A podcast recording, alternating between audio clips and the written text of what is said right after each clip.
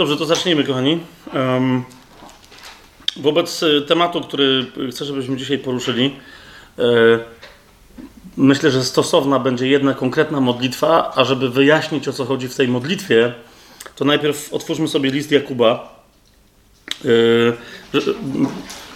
żeby, no właśnie, w dwóch fragmentach, żeby, żeby się nam ta nasza modlitwa wyjaśniła. W pewnym sensie zresztą, e, bo dziś będziemy dużo sięgać po list Jakuba, jego fragmenty i po fragmenty z nim związane. Yy, I już nawet te fragmenty teraz, które przeczytam, do których później jakoś tak niespecjalnie się będziemy odwoływać, ale one też rzucają światło na dzisiejszy temat. Więc najpierw to jest list Jakuba yy, apostoła, pierwszy rozdział, piąty werset. Jakub wyraźnie w swoim liście zaznacza, że, że no, dotyka rzeczy od samego początku, które, do których potrzeba mądrości. I w związku z tym mówi, to jest pierwszy rozdział, piąty werset, jeżeli komuś z was brakuje mądrości, niech prosi Boga, który daje wszystkim obficie i bez wypominania, a będzie mu dana. To jest, to jest pierwsza bardzo, bardzo istotna e, rzecz. O mądrość mamy prosić Boga. Od Niego otrzymaliśmy Chrystusa, o którym Paweł mówi, że On jest naszą mądrością. Jeden z najwspanialszych darów, jakie otrzymujemy w nas pracujących, jest umysł Chrystusa, o którym też Paweł do Koryntian pisze. A więc, a Jakub to mówi, proście Boga o mądrość, a będzie wam, yy, będzie wam dana. Ale później w tym samym liście wraca troszkę do tego tematu, w trzecim rozdziale i mówi o tym, że, że jest taki rodzaj mądrości, która jest ludzka, i ona niestety y, niekoniecznie od razu bywa rozpoznana, ale jak wreszcie ta ludzka mądrość podnosi swoją głowę, y, no to, to jest trzeci rozdział, 14 i 15 werset, to, to, to, to ta ludzka mądrość prowadzi, y, charakteryzuje się takimi owocami. Otóż on mówi tak, Jakub, trzeci rozdział, 14-15 werset. Jeżeli jednak macie w waszym sercu gorzką zazdrość i kłótliwość, to nie przechwalajcie się i nie kłamcie wbrew prawdzie. On, on tu podnosi, zauważcie, cztery, yy, cztery antywartości. On mówi o, o gorzkiej zazdrości, która może się znajdować w sercu człowieka i wynikającej z tej gorzkiej zazdrości kłótliwości, przechwałkach i kłamaniu wbrew prawdzie. I teraz, I teraz Jakub mówi, że jeżeli jakaś mądrość zaczyna mieć tego rodzaju charakter, to 15 werset powiada, nie jest to mądrość zstępująca z góry, ale ziemska, zmysłowa, diabelska.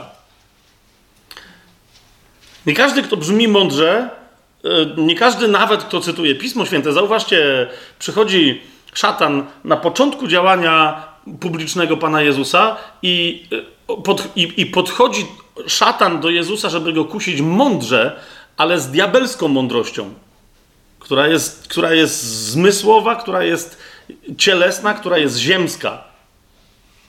I dlatego e, mówi mu o władzy, mówi, wskazuje mu na potrzeby jego ciała, mówi, że jest głodny, żeby zamienił, e, żeby, żeby prosił o zamianę kamienia w chleb i tak dalej, i tak dalej.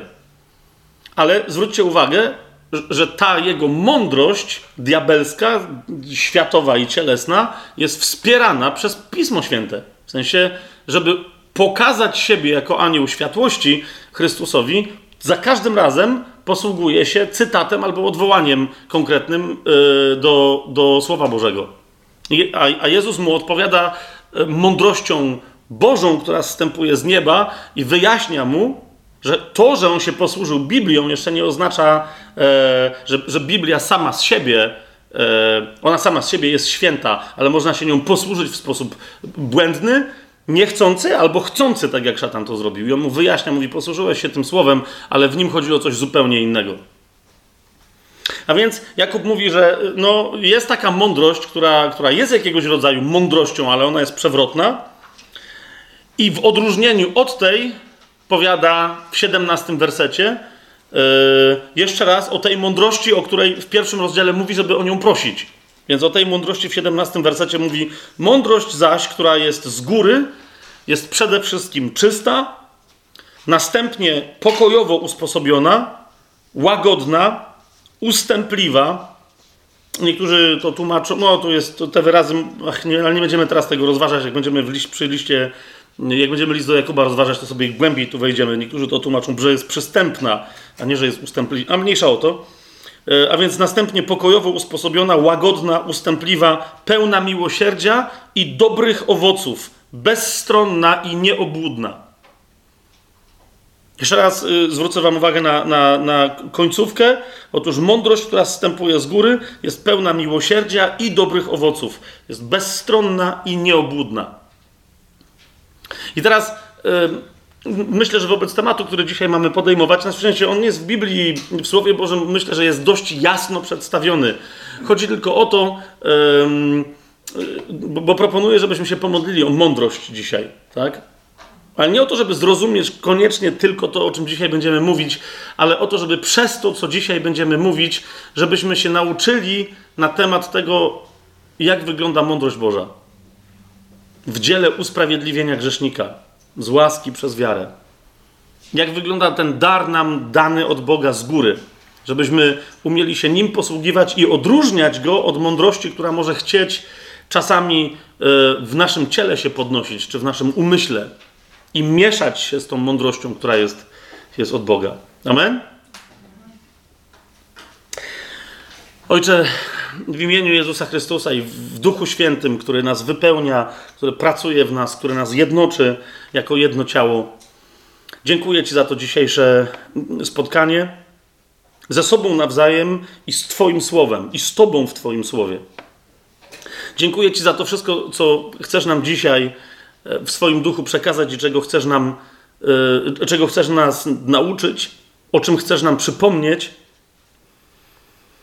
I jednocześnie proszę Cię, aby wraz z tymi wszystkimi darami, które dla nas na dzisiaj przewidziałeś, z tymi wszystkimi owocami, które chcesz, żeby w wyniku tego naszego dzisiejszego studium przez nas przyszły na ten świat.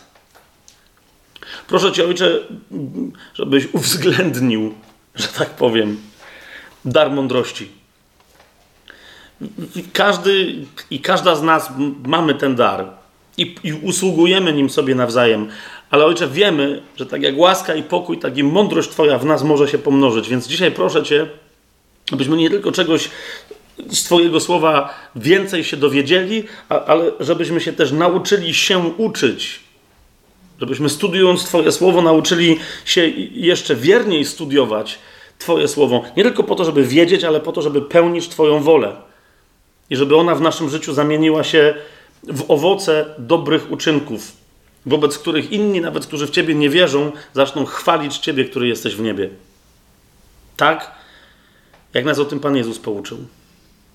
Proszę Cię, Ojcze światłości, Ojcze świateł, jak Ciebie Jakub nazywa, Ojcze, który jesteś jedynym źródłem wszelkiego dobrego daru, proszę Ciebie dzisiaj, abyś udzielił nam daru mądrości, a udzielając, abyś go w nas pomnożył.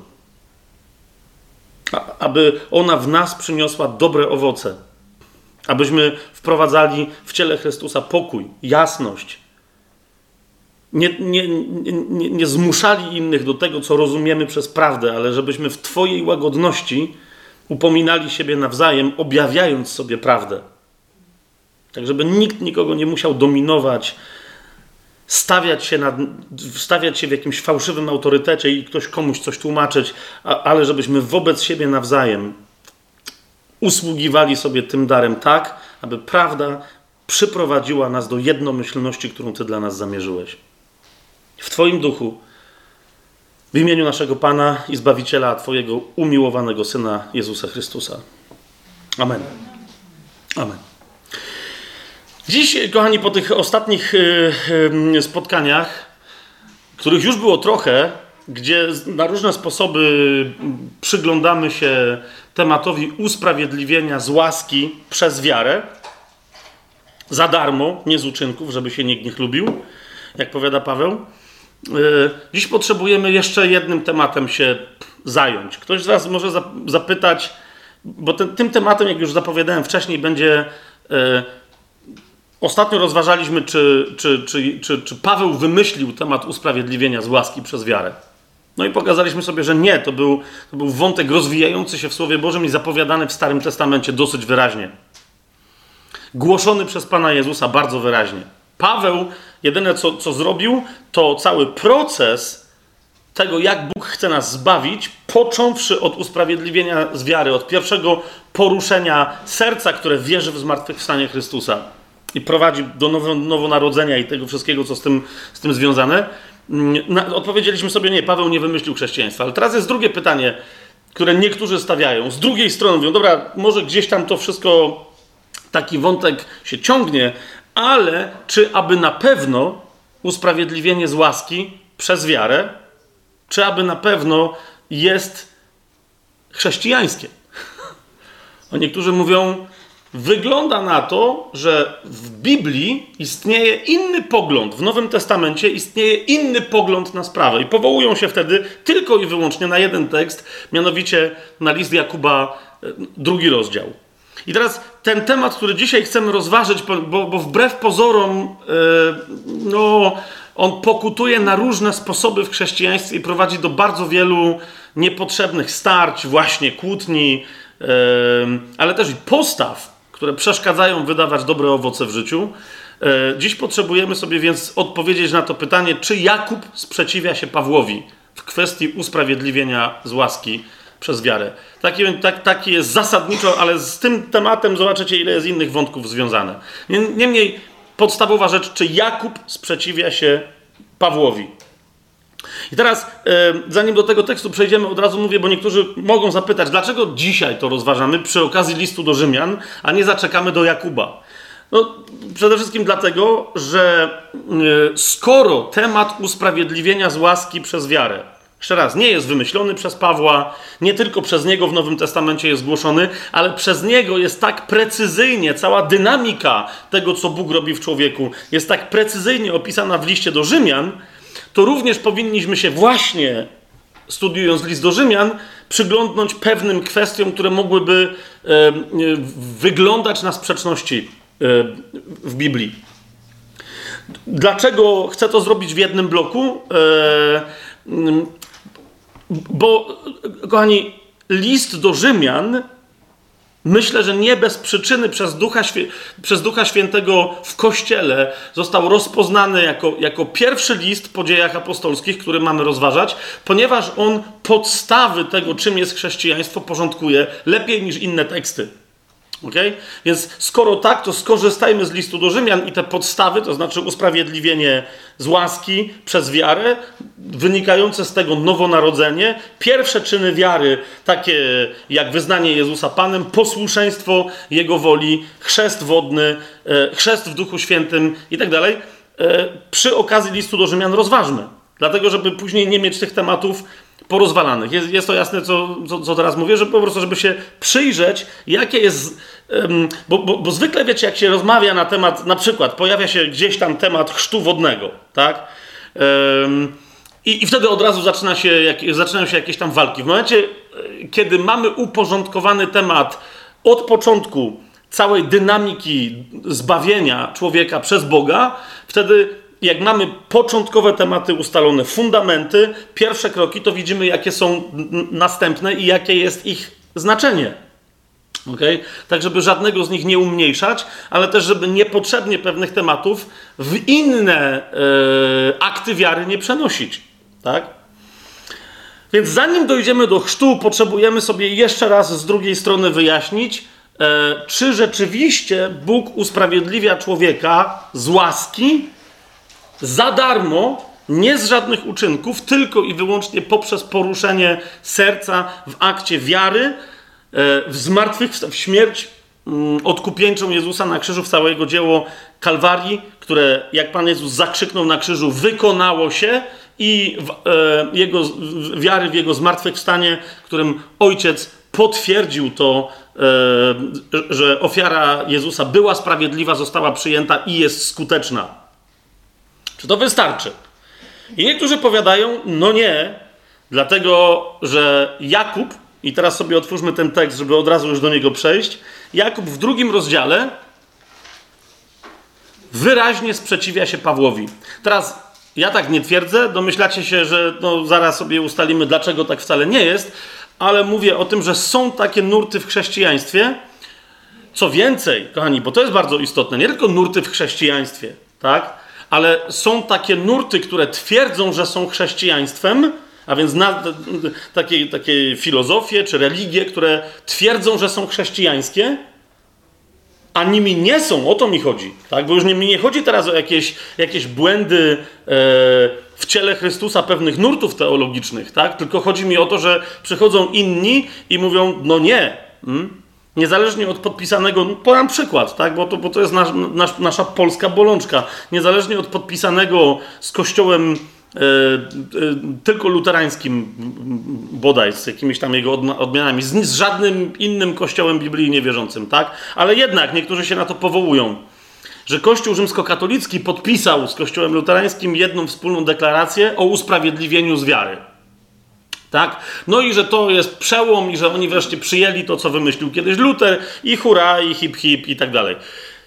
No ale w praktyce nadal religia rzymskokatolicka jest religią, która mówi, że zaproszenie Chrystusowej łaski do, do Twojego życia to jest fajny krok, ale następnie potrzebujesz żyć życiem uczynków religijnych i dopiero te uczynki, jeżeli w nich wytrwasz do końca swojego życia, cię zbawią, bo jeżeli nie, no to umrzesz niestety nie w stanie łaski uświęcającej i pójdziesz do piekła. A więc w praktyce Kościół rzymskokatolicki nadal tej doktryny nie zmienił. Wiecie o co mi chodzi, tak? No po prostu to jest zbawienie z uczynków i usprawiedliwienie pojawia się dopiero potem, jak człowiek umrze i Bóg sprawdzi, czy on wytrwał w tych uczynkach, czy przed śmiercią wykonał właściwy swój uczynek, tak? Ostatniej spowiedzi, jakiegoś tam namaszczenia, czegoś, no tych wszystkich rzeczy, które tam, które tam są istotne. Podobnie rzecz się ma, e, chociaż tam troszeczkę inaczej to wygląda, ale podobnie w sensie zasady rzecz się ma na przykład ze świadkami e, Jehowy czy, czy, czy badaczami pisma. Tam chodzi o to, że no, wszystko e, do człowieka przychodzi przez poznanie Słowa Bożego, ale później co? Przez wykonywanie właściwych uczynków wobec Boga. Tak? Więc zobaczcie, świadkowie Jehowy też mówią, my jesteśmy chrześcijanami, wszyscy inni nie są, my jesteśmy prawdziwymi chrześcijanami. No nie. Tylko widzicie, postawy tych różnych nurtów, ruchów i tak dalej, i wewnątrz chrześcijaństwa, i kompletnie poza chrześcijaństwem, opierają się zasadniczo na czym? Kiedy ich zapytasz, gdzie w Biblii masz tekst, który by mówił, że, że usprawiedliwienie jest z uczynków, no to wtedy otwierają list Jakuba i mówią, no jak to? No jest tutaj. Teraz przeczytajmy sobie ten tekst, to jest drugi rozdział Jakuba. Przeczytajmy sobie cały ten tekst od 14 do 26 wersetu. Na razie bez żadnego komentarza, po prostu chcę go przeczytać i zobaczcie, jakie w was wywołuje, yy, jakie w was wywołuje reakcje. W nas wywołuje reakcję. Od 14 wersetu będę czytać. Jaki z tego pożytek, moi bracia, jeżeli ktoś mówi, że ma wiarę, a nie ma uczynków? Czy wiara może go zbawić? Gdyby brat albo siostra nie mieli się w co ubrać i brakowałoby im codziennego pożywienia, a ktoś z was powiedziałby im: idźcie w pokoju, ogrzejcie się i najedzcie, a nie dalibyście im tego, czego potrzebuje ciało, jaki z tego pożytek? Tak i wiara, jeśli nie ma uczynków, martwa jest sama w sobie. Lecz ktoś może powiedzieć: Ty masz wiarę, a ja mam uczynki. Pokaż mi swoją wiarę bez Twoich uczynków, a ja ci pokażę swoją wiarę z moich uczynków. Ty wierzysz, że jest jeden Bóg i dobrze czynisz. Demony też wierzą i drżą. Czy chcesz się przekonać, marny człowieku, że wiara bez uczynków jest martwa? Czy Abraham, nasz ojciec, nie został usprawiedliwiony z uczynków, gdy ofiarował Izaaka, swojego syna, na ołtarzu? Widzisz, że wiara współdziałała z jego uczynkami i przez uczynki wiara stała się doskonała. I tak wypełniło się pismo, które mówi: Uwierzył Abraham Bogu i poczytano mu to za sprawiedliwość, i został nazwany przyjacielem Boga. Widzicie więc, że człowiek zostaje usprawiedliwiony z uczynków, a nie tylko z wiary. Podobnie nierządnica Rahab, czy nie z uczynków została usprawiedliwiona, gdy przejęła wysłanników i wypuściła ich inną drogą?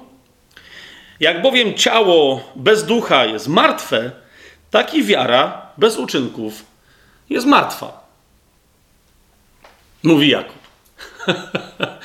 Niezależnie od tego, jak w całym tym tekście wielu chrześcijan, nawet dobrze znających Biblię, tu, tu no, od razu sobie myślą, okej, okej, okej, ale jak docierają do zdania w 24 wersecie, widzicie więc, że człowiek zostaje usprawiedliwiony z uczynków, a nie tylko z wiary, następuje zgrzyt w głowie.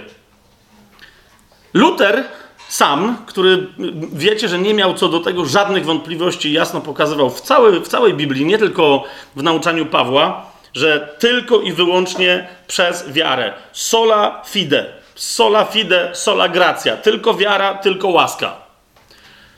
E, listu do Jakuba nie chciał komentować. Nie do Jakuba, tylko listu Jakuba. Nie chciał komentować. Jak e, raz, drugi, trzeci, czwarty i piąty został poproszony o komentarz do listu do Jakuba, powiedział, że nie będzie komentował listu do Jakuba, bo to jest taki trochę słomiany list. Taka była jego w jednym, e, w jednym miejscu odpowiedź.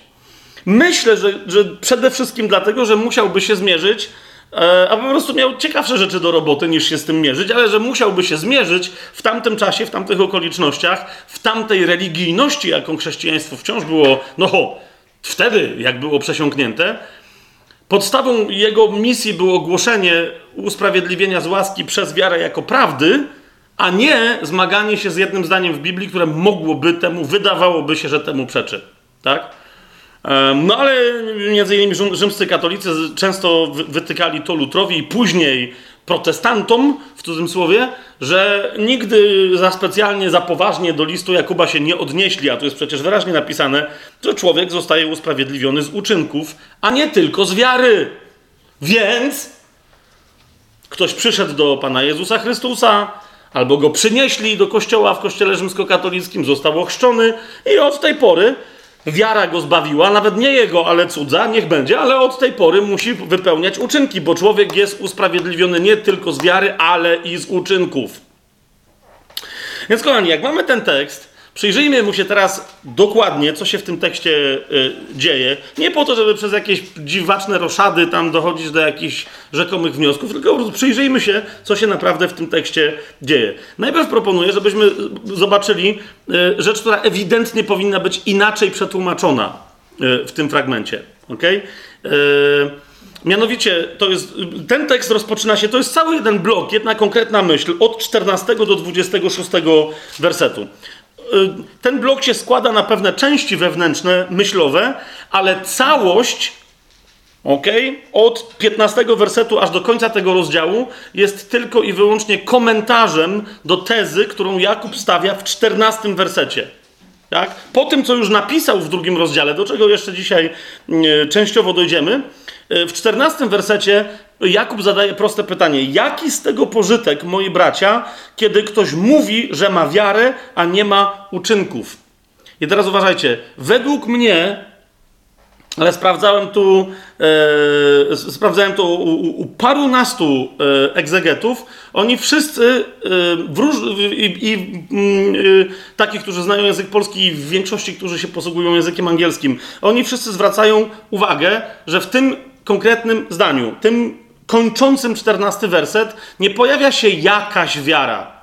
Okay? Tylko zwróćcie tylko pojawia się przed e, wyrazem pistis, czyli, czyli, czyli wiara, pojawia się konkretny. E, Dobra, bo jak zacznę teraz nazywać gramatykę grecką, e, większość z nas tu zna język angielski, tak? Mniej więcej. E, wiecie, że jest czym innym powiedzenie a table, czyli stół jakiś, a powiedzenie the table, czyli ten konkretny stół, o którym mówimy. Otóż przed tym wyrazem pojawia się y, taki właśnie wskaźnik w języku greckim, jak w języku angielskim the albo this, czyli to coś konkretnego, o czym mówimy, czyli, czyli wyraz składający się z jednej litery z przydechem, czyli ho, w tym, ale w tym zdaniu konkretnie jako he, no bo cały wyraz jest odmieniony.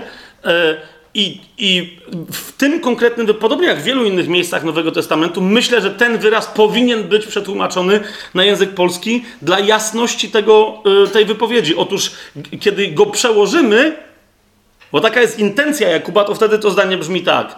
Jaki z tego pożytek, moi bracia, jeżeli ktoś mówi, że ma wiarę, a nie ma uczynków? Teraz uważajcie, czy taka wiara może go zbawić? Ok? Tu jest bardzo, bardzo istotny, e, bardzo istotny ten malutki wyrazik he przed, e, przed pistin. Okay? Czy taka wiara może go zbawić? Zauważcie, pytanie Jakuba nie brzmi, czy, czy wiara sama z siebie, we właściwy sposób biblijnie rozumiana, czy, czy jest wystarczająca do zbawienia człowieka. Ale czy jeżeli czyjaś wiara jest jedynie wiarą werbalną, czyli ktoś twierdzi, że wierzy, a nie może następnie pokazać żadnego uczynku, który byłby na to dowodem, okay, to czy wtedy on rzeczywiście wierzy? I czy to, co on nazywa swoją wiarą, czy jest tym czymś, o co wszędzie w Biblii chodzi, kiedy ona nas wzywa do wiary? Czy to jest jasne, co, co, co teraz powiedziałem?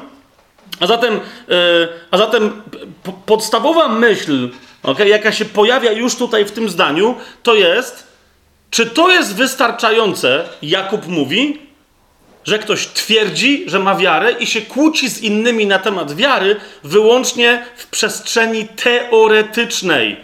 Czy to jest, czy to jest wystarczające? Hmm? Zauważcie, co się dzisiaj. Dlaczego uważam, że to jest ważny temat? Bo to jest coś, co się dzisiaj w chrześcijaństwie biblijnym czy ewangelicznym notorycznie dzieje, i nowonarodzone osoby dają się w, w, wpuszczać w maliny i wpadają w zasadzkę właśnie teoretycznych rozważań na temat pewnych koncepcji związanych z wiarą i z jej praktyką. Wiecie, dyskutują na temat tego, kto lepiej coś powiedział. Tak, że ten to wyraził tak, a tamten inaczej. Teraz ten ma takie tłumaczenie w Biblii, tamten, i teraz ten mówi, ja mam wiarę, tamten też mówi, że ma wiarę. I, i czym się przekomarzają? Tym, jak ktoś rozumie Słowo Boże i przerzucają się cytatami, uprawiając szermierkę na cytaty. A Jakub mówi, no dobra, to jest wszystko fajne, tylko czy z samego gadania o tym, że ktoś ma wiarę, wynika wiara. Ok? A więc jego cel, pierwszy tutaj, który, który ja w tym tekście ewidentnie widzę, i kto studiuje cały list do Jakuba, widzi wyraźnie, że, że celem Jakuba, tak, nie jedynym, ale naprawdę takim nadrzędnym powiedziałbym, to jest pobudzić wierzących do tego, żeby wyrażali swoją wiarę przez konkretne uczynki miłości, a więc przez świadectwo życia, żeby wyrażali swoją wiarę, a nie przez świadectwo słowne, tak, żeby nie gadali, że, że mają wiarę To jest pierwsza podstawowa rzecz. Jeszcze raz zobaczcie, jaki z tego pożytek, moi bracia, jeżeli ktoś mówi, że ma wiarę, a nie ma uczynków. Czy taka wiara może go zbawić? To jest, to jest, to jest. I teraz druga bardzo istotna rzecz. Zwróćcie uwagę, on nie mówi, że uczynki towarzyszą wierze. Że, są, że to są dwie różne rzeczy, że, je, że, że może być jakaś wiara, która zbawia, plus jakieś uczynki, które zbawiają. Ale zauważcie, jemu chodzi o wiarę, która posiada uczynki. Tutaj jest bardzo, yy, tutaj jest bardzo wyraźnie, nawet w tym tekście, tak? Jakub nie twierdzi, że ktoś mógłby oprócz wiary mieć jakiś uczynek, który go zbawi. On tylko mówi o ludziach, którzy twierdzą, że mają wiarę, okay? ale nie widać, żeby ta wiara, zwróćcie uwagę na, na to słowo, żeby miała uczynki, żeby była posiadaczem uczynków, a więc żeby ona była nadrzędna wobec uczynków. Tak? Jaki z tego pożytek, moi bracia, jeżeli ktoś mówi, że ma wiarę, a nie ma uczynków? Czy taka wiara może go zbawić? Jak zobaczycie w liście Jakubowym w pierwszym rozdziale, e, bo, bo drugi rozdział, no domyślamy się, że jest rozwinięciem tego, co się dzieje w pierwszym. Zauważcie, e, Jakubowi dokładnie cały czas o to chodzi. Tak? Jakubowi dokładnie cały czas o to chodzi. Żeby ludzie przestali być tylko słuchaczami słowa, ale żeby słowo objawiło się konkretem w ich życiu. To jest 22 werset pierwszego rozdziału do 25. Zobaczcie, o czym on tam mówi. Bądźcie więc wykonawcami słowa, a nie tylko słuchaczami oszukującymi samych siebie.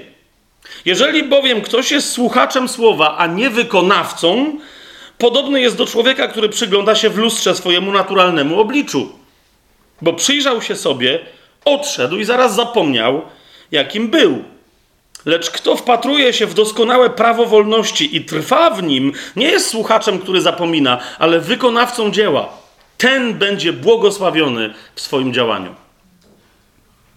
Słowem, yy, yy, słowem Jakub tu odwołuje się chociażby do tego nauczania Pana Jezusa. Będziemy, będziemy teraz e, tego robić, ale przecież wszyscy pamiętają przypowieść o siewcy. Pamiętacie o, o tym, jak, jak siewca wyszedł siać i ziarno padało na różne gleby. Pamiętacie to? I teraz, e, I teraz tylko jedna gleba jest glebą, która wydaje owoc, która pozwala ziarnu zapaść się głęboko w siebie, pozwala mu obumrzeć, wyrosnąć roślinie z tego jednego ziarna, tak, że to ziarno przynosi owoc obfity, 30-krotny, 60-krotny, a nawet 100-krotny. Tak? Natomiast zwróćcie uwagę, że tam jest też taka gleba, na którą ziarno pada, ale przylatują ptaki, nie, nie, będę teraz mówić o konkretnych okolicznościach, w jakich to się dzieje. Przylatują ptaki, wydziobują to słowo i go nie ma. I, i, I Jakub to się do tego zjawiska odwołuje, tak? On mówi, dobra, to, że ktoś słucha Słowa Bożego i tak go słucha, że potem jest w stanie powtarzać to Słowo i cytować je i mówić, o co mu tam chodzi, to jeszcze nie znaczy, że to Słowo znalazło się w jego głębi i wykonało swoją pracę. Okay? To jest, to, jest, to jest pierwsza rzecz. I myślę, że pierwsza płaszczyzna, ale za chwilę przejdziemy do drugiego, według mnie znacznie istotniejszego tutaj tematu, ale to jest pierwsza rzecz. Jakub ewidentnie w całym tym liście e, dziobie chrześcijan. Teraz podam jeszcze drugą rzecz, ona jest bardzo istotna. Chrześcijan pochodzenia żydowskiego. Okay? Niektórzy list Jakuba nazywają, myślę, że całkiem słusznie, drugim listem do Hebrajczyków. Tak? Bo przed listem do Jakuba jest list do Hebrajczyków, to jest list Pawła. Przejdziemy do listu do Hebrajczyków, będziemy sobie o tym mówić, dlaczego to jest list Pawła. I jest drugi list do Hebrajczyków, to jest list Jakuba. Zobaczcie, pierwszy rozdział, pierwszy werset. Jak, do kogo e, swoj, swoją wypowiedź skierowuje Jakub? Mówi: Jakub, sługa Boga i Pana Jezusa Chrystusa, przesyła pozdrowienia dwunastu pokoleniom, które są w rozproszeniu. Pamiętacie, jak do tej pory wielokrotnie już rozważaliśmy kwestie judaizujących chrześcijan? Tak? Co się tam dzieje? Że oni zawsze.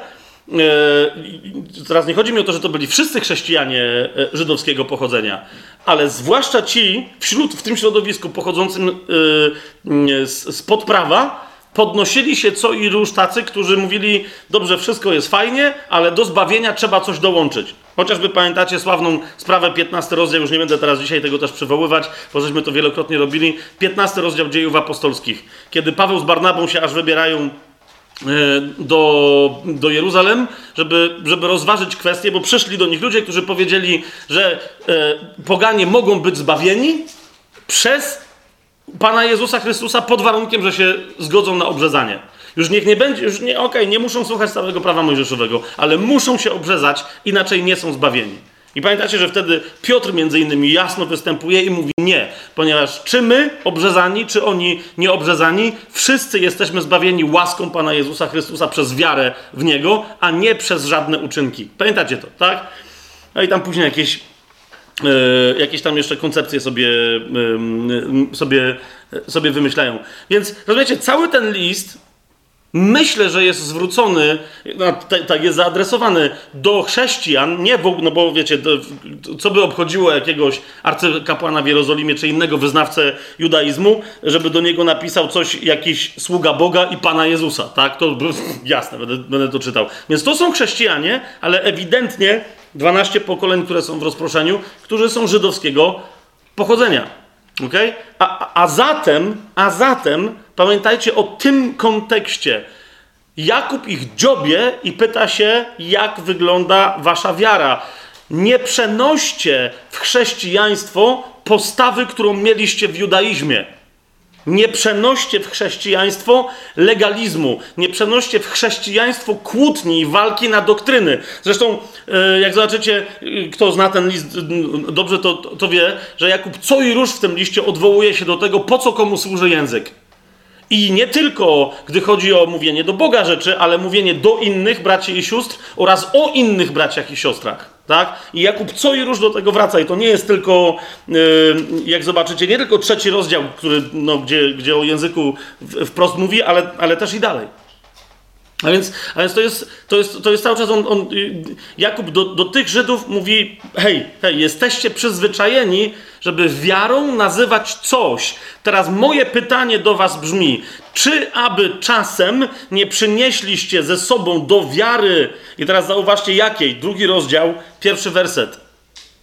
To nie ma być wasza wiara. W was ma pracować co? Wiara naszego Pana Jezusa Chrystusa. Zobaczcie, bracia moi, niech wiara naszego Pana Jezusa Chrystusa, Pana chwały, będzie wolna od względu na osobę w was. Jak wy będziecie mieli swoją wiarę, to będziecie kombinować. A więc, rozumiecie, pierwsza płaszczyzna tego listu to Jakub, to jest, to jest zwrócenie się do nowonarodzonych chrześcijan z zapytaniem, czy czasem nie zamieniacie swojej wiary, która powinna być transformującym doświadczeniem, która dla was była transformującym doświadczeniem, bo z martwego żyjącymi uczynkami prawa, yy, z martwych ludzi żyjącymi uczynkami prawa staliście się nowym stworzeniem. Tak? To jest, to, to, to jest pierwsza rzecz. Czy aby czasem nie zamieniacie teraz wiarę, na podstawie której macie żyć, a więc relację przez Jezusa Chrystusa w Duchu Świętym z Ojcem, czy nie zamieniacie jej w co? W światopogląd. Ok? W religii rzymskokatolickiej, o której wiecie, że, że sporo wiem, przez e, długoletnie doświadczenie. W religii rzymskokatolickiej wiara jest definiowana. Ja między innymi w, parę takich żeśmy mieli wykładów, nie wiem czy pamiętacie, na temat e, w ogóle religii rzymskokatolickiej, na temat rzekomej ciągłości nauczania, że, że ono jest cały czas takie samo, nie jest, na temat kultu maryjnego i tak dalej. I w paru miejscach tam e, wprost cytowałem źródła, E, e, tak zwanego kościoła e, rzymskokatolickiego, w którym wyraźnie definiuje się wiarę jako co? Jako system, zestaw prawd podanych do wierzenia, z którymi to prawdami ludzie w 100% mają się zgodzić. Jeżeli ktoś deklaruje, że się z tym zgadza, to znaczy, że jest wierzący. Tak? Jeżeli się z czymś nie zgadza, to wtedy w rozumieniu rzymskokatolickim jest heretykiem.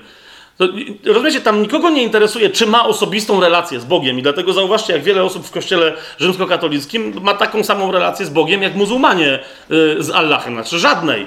Wiedzą, że On jest, wiedzą coś o Nim i wiedzą, że On coś wie o nich, ale nie mają osobistej relacji. Tak? I dla wielu ludzi, dlatego szukając osobistej relacji, szukają ją na przykład, szukają tej relacji na przykład z Matką Boską. Tak?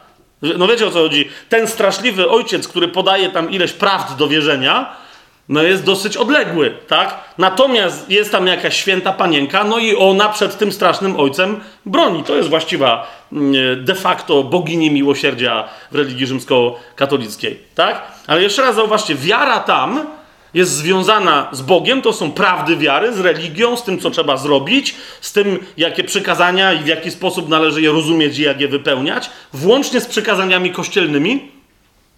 Zauważcie, które e, e, za, za przekroczenie których w religii rzymskokatolickiej możesz pójść do piekła tak samo, jak za pewne rzeczy, które no jeszcze w Biblii znajdziesz. Tak? Ja pamiętam, to, to były długie e, rozmowy, kiedy jeszcze studiowałem e, właśnie teologię rzymskokatolicką. E, jedno z pytań, które pamiętam, akurat nie ja postawiłem, tylko jeden tam z, z e, chłopaków, z którymi studiowaliśmy, on za, zapytał, mówi, jeżeli coś jest przekazaniem, które nie pochodzi od Boga, wiecie, jest, e, nie wiem, czy jest tak dalej, ale, e, ale, no, ale nie wiem, czemu by nie miało być, były, było tak zwanych pięć przykazań kościelnych w kościele rzymskokatolickim, tak? Jednym z nich było zachowywanie pewnych czasów, ustalonych przez Kościół, na przykład jako czasów postu, jako dni świętych i tak dalej, i tak dalej, w które trzeba było chodzić do kościoła, tak? I teraz pytanie padło. Biblia nie mówi, żeby chodzić do kościoła w niedzielę. Albo już na pewno nie, w ogóle nie w niedzielę, tylko w święto, które naznaczyliśmy. Nie wiem, Matki Boskiej, w nie, w nie, w na przykład rzekomego jej tam w niebo wzięcia, albo narodzin Pana Jezusa rzekomych 25 ten dzień może nie wypaść w niedzielę, rozumiecie o co chodzi. Ale teraz Kościół rzymskokatolicki ustalił, ale my ustalamy, że to jest takie święto jak niedziela, pomijam też samą niedzielę, i teraz kto wtedy nie pójdzie do kościoła, ma grzech ciężki. I teraz rozumiecie, jeżeli ma grzech ciężki, czyli śmiertelny, tak, i umrze, nie pojednawszy się z Bogiem przez tamte wszystkie obrzędy, to co się wtedy dzieje? Według teologii rzymskokatolickiej idzie do piekła. No i teraz pytanie brzmiało, no ale to myśmy wymyślili to przykazanie. I teraz, czy aby na pewno Bóg będzie to respektować? I odpowiedź brzmiała: no tak, bo Bóg respektuje naszą władzę. Teraz, teraz widzicie, sęk w tym, sęk w tym, że dokładnie po co o tym mówię? No bo my tu mamy, nawet jak ktoś z Was nie był kiedyś rzymskim katolikiem, to znacie ten kościół, tak? W Polsce wszyscy go znają. Widzicie, sęk w tym, że to nastawienie umysłu, nie chcę go teraz nazywać, wiecie, jakim ono jest, no ale widzicie, co to za nastawienie umysłu. To nastawienie umysłu Kościół rzymskokatolicki, religia rzymskokatolicka przejęła od kogo? Od Żydów. Z judaizmu przejęła bezpośrednio od Sanhedrynu. Sam osobiście pamiętam rozmowę, mm, no nie powiem, z, znaczy z rabinem, nie powiem skąd był ten rabin, bo, bo ich tam aż za wielu nie ma. E, I on mi, ja, ja go zapytałem wprost, mówię, hej, e, bo mnie przekonywał, mówi, z ciebie byłby dobry, dobry Żyd. to już było parę ładnych lat, mówię, z ciebie byłby dobry Żyd, tak? No, mówię, to miło mi. Ale mówię, wiesz co, y, ja lubię Pismo Święte. Mówi, no to właśnie dlatego byłby dobry Żyd. Mówię, no tak, ale ja uważam, że Pismo Święte jest spójne. A wy teraz, y, w ramach twojego ortodoksyjnego rzekomo judaizmu, macie masę rzeczy, które w Biblii nie są zapisane, albo wręcz są inaczej zapisane, niż wy mówicie, że trzeba robić. Wiecie, co mi wtedy odpowiedział? Mówi, bo mówi, ty jest, on mówi, to, no, byłbyś dobrym Żydem, ale widać, że nie jesteś. no, no tak, mówi, bo widzisz, Mojżesz jak pisał Stary Testament, to on nie pisał samogłosek. No mówię, no, no wiem, ale co to zmienia? mówi, widzisz, i w ten sposób Bóg chciał nam dać znać, że jak później masoreci dorobią te samogłoski, których Mojżesz nie zapisał, to my nie wiemy, czy on ich nie zapisał, bo uznał, że nie ma co pisać, a może ich nie napisał, bo nie wiedział, jakie są.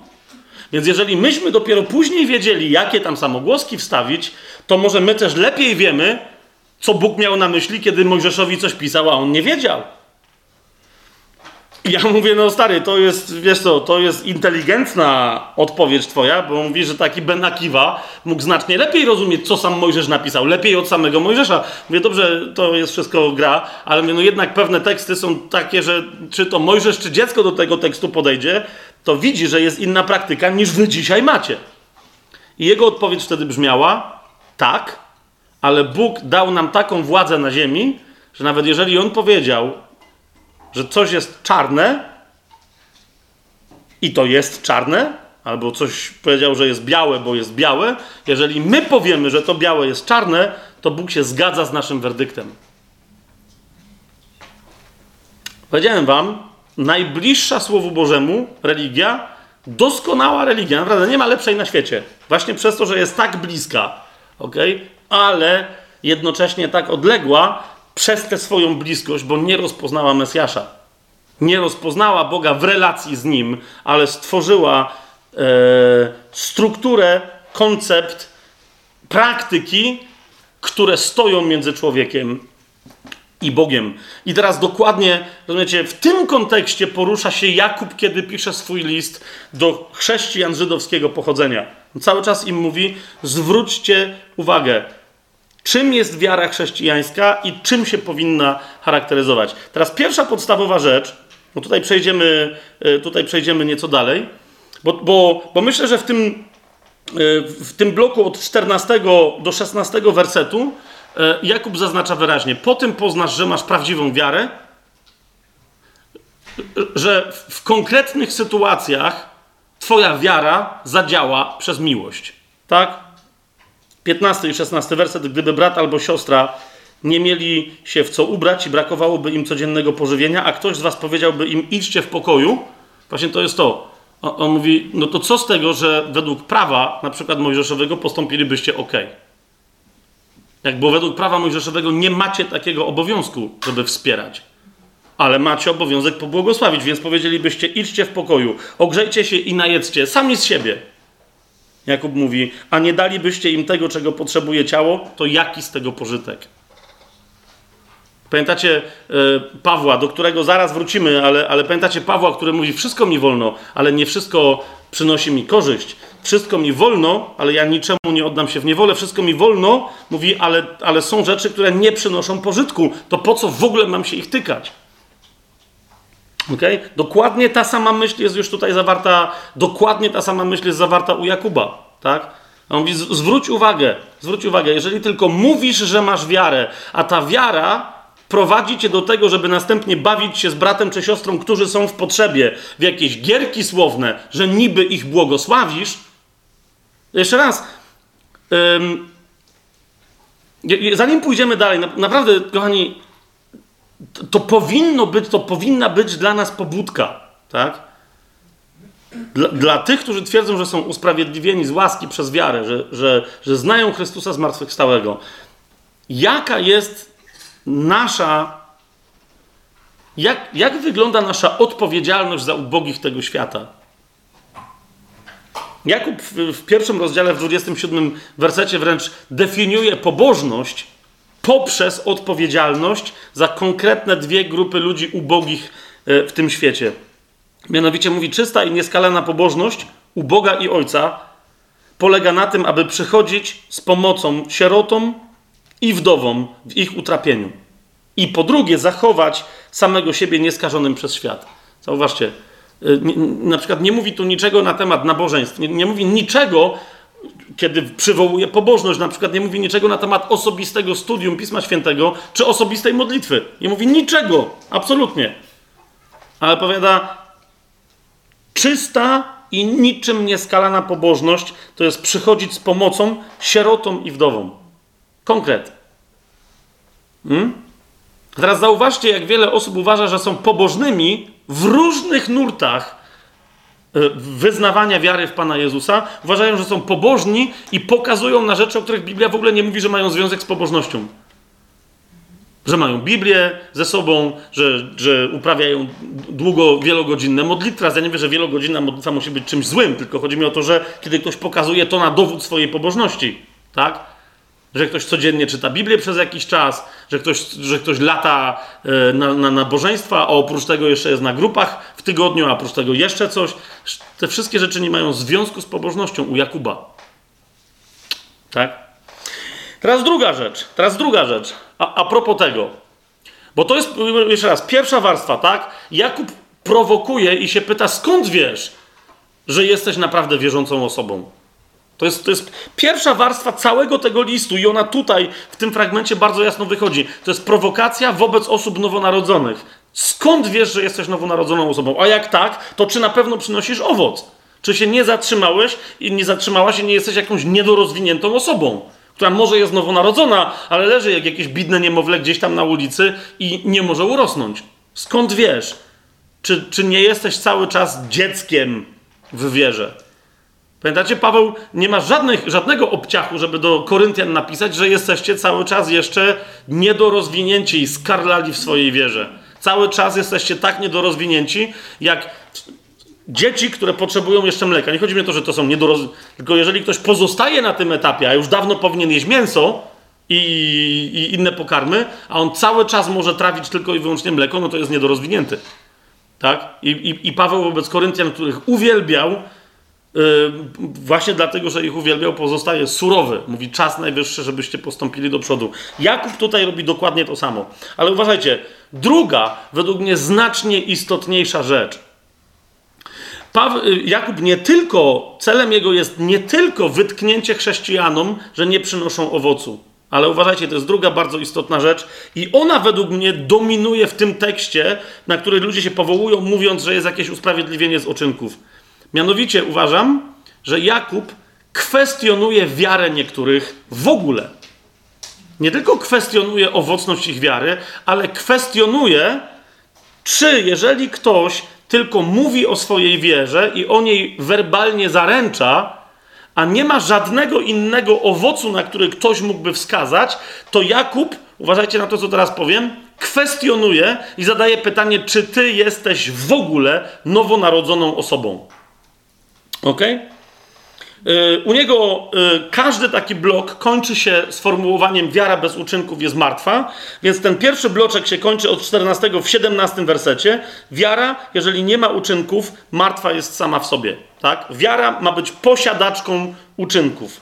I teraz zauważcie, następny blok myślowy zaczyna się u Jakuba w 18 y, wersecie. I to, to powinno nas szokować. Ok? E, dlaczego? E, teraz, czekajcie, jeszcze muszę zrobić jeden wstęp. To wszystko, co teraz powiem, niech nikt z Was nie potraktuje jako zachęty z mojej strony, żeby się brać za bezprzykładne i głupie e, osądzanie innych w wierze.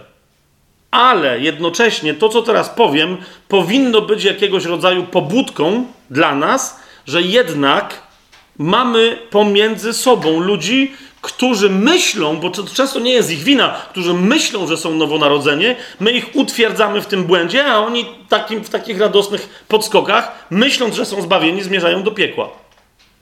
A więc Jakub na to zwraca uwagę, mówi: hej, ocknijcie się. Przez to, że ktoś mówi coś na temat swojej wiary, że coś wyznaje ustami, nie poznajemy, czy jest nowonarodzony. Ok? Zauważcie, 17, 18 werset. Yy, rozpoczyna nowy blok, mianowicie wyzwa- zaczyna się od wyzwania, które nazwałbym, yy, które jest zawarte w drugim zdaniu tego 18 wersetu, które się zaczyna od wezwania: Pokaż mi swoją wiarę. Widzicie to? Jakub woła, rzuca wyzwanie i mówi: Pokaż mi swoją wiarę. Bo y, zaczyna od tego, że ktoś może powiedzieć, że no, Jedni mają wiarę, ale nie mają uczynków, ale mają wiarę, a inni mają uczynki, no i fajnie. No i to jest, jedni mają uczynki, inni mają wiarę, są różne rodzaje chrześcijan.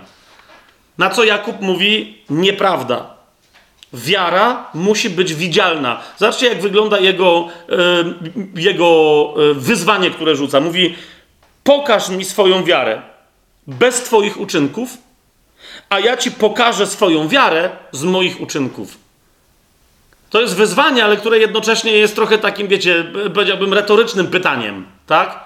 Dlaczego? Bo on mówi: pokaż mi swoją wiarę bez Twoich uczynków. To jak komuś pokażesz tę wiarę? Bo on, zauważcie, co on, nie mówi: opowiedz mi o swojej wierze. Hmm? On, mi, on nie mówi: wyznaj swoją wiarę, w co wierzysz, jakie są prawdy. On, nie, nie, mówi: pokaż mi swoją wiarę bez Twoich uczynków. Co możesz zrobić? On mówi, no właśnie, nic. Ja natomiast spokojnie pokażę Ci moją wiarę. Z czego? Z moich uczynków. Nie, żeby one były producentem mojej wiary, tak? One są skutkiem mojej wiary, ale ponieważ widzisz moje uczynki, to możesz być przekonany o mojej wierze. Gdy tymczasem bez uczynków nie ma możliwości zobaczyć czyjejkolwiek wiary. Ok, a więc tu rozpoczynamy drugi, yy, drugi etap. Dlaczego on jest istotny, kochani? Bo Jakub, mimo że wiele osób yy, tego yy, nie wiem, czy nie chce, czy, czy nie zdołało zauważyć, Jakub wychodzi dokładnie z takiego samego założenia jak cała reszta Nowego Testamentu. Mianowicie, że wiara najpierw czym skutkuje, to nowonarodzeniem. A nowonarodzona osoba jest nowym stworzeniem, a nowe stworzenie rozpoznajesz po tym, że nie jest starym stworzeniem. Więc, że nowonarodzona osoba jest zdolna do nowego rodzaju czynności, uczynków, działań, akcji w odróżnieniu od starego człowieka, który do pewnych czynności nie był zdolny. Czy to jest jasne, co teraz powiedziałem? Skąd wiemy, że Jakub dokładnie takie ma założenie, że wiara prowadzi człowieka do nowego narodzenia? Zobaczcie, kochani, yy, to jest pierwszy rozdział listu Jakubowego, osiemnasty werset. Hmm? Tu, powtarza tutaj Jakub no, dokładnie myśl, którą wyraził na przykład Jan w swojej Ewangelii. Zobaczcie, 18 werset, on mówi o Ojcu Światłości, u którego nie ma zmiany ani cienia zmienności. I 18 werset mówi, że ten Ojciec ze swojej woli zrodził nas słowem prawdy, abyśmy byli jakby pierwocinami Jego stworzeń. W sensie nowego rodzaju, yy, zupełnie nowego rodzaju stworzenia. No, zobaczcie, jak to brzmi na przykład w porównaniu z Ewangelią Jana, tak? Sobie otworzymy Ewangelię Jana, pierwszy rozdział, 12 i 13 werset.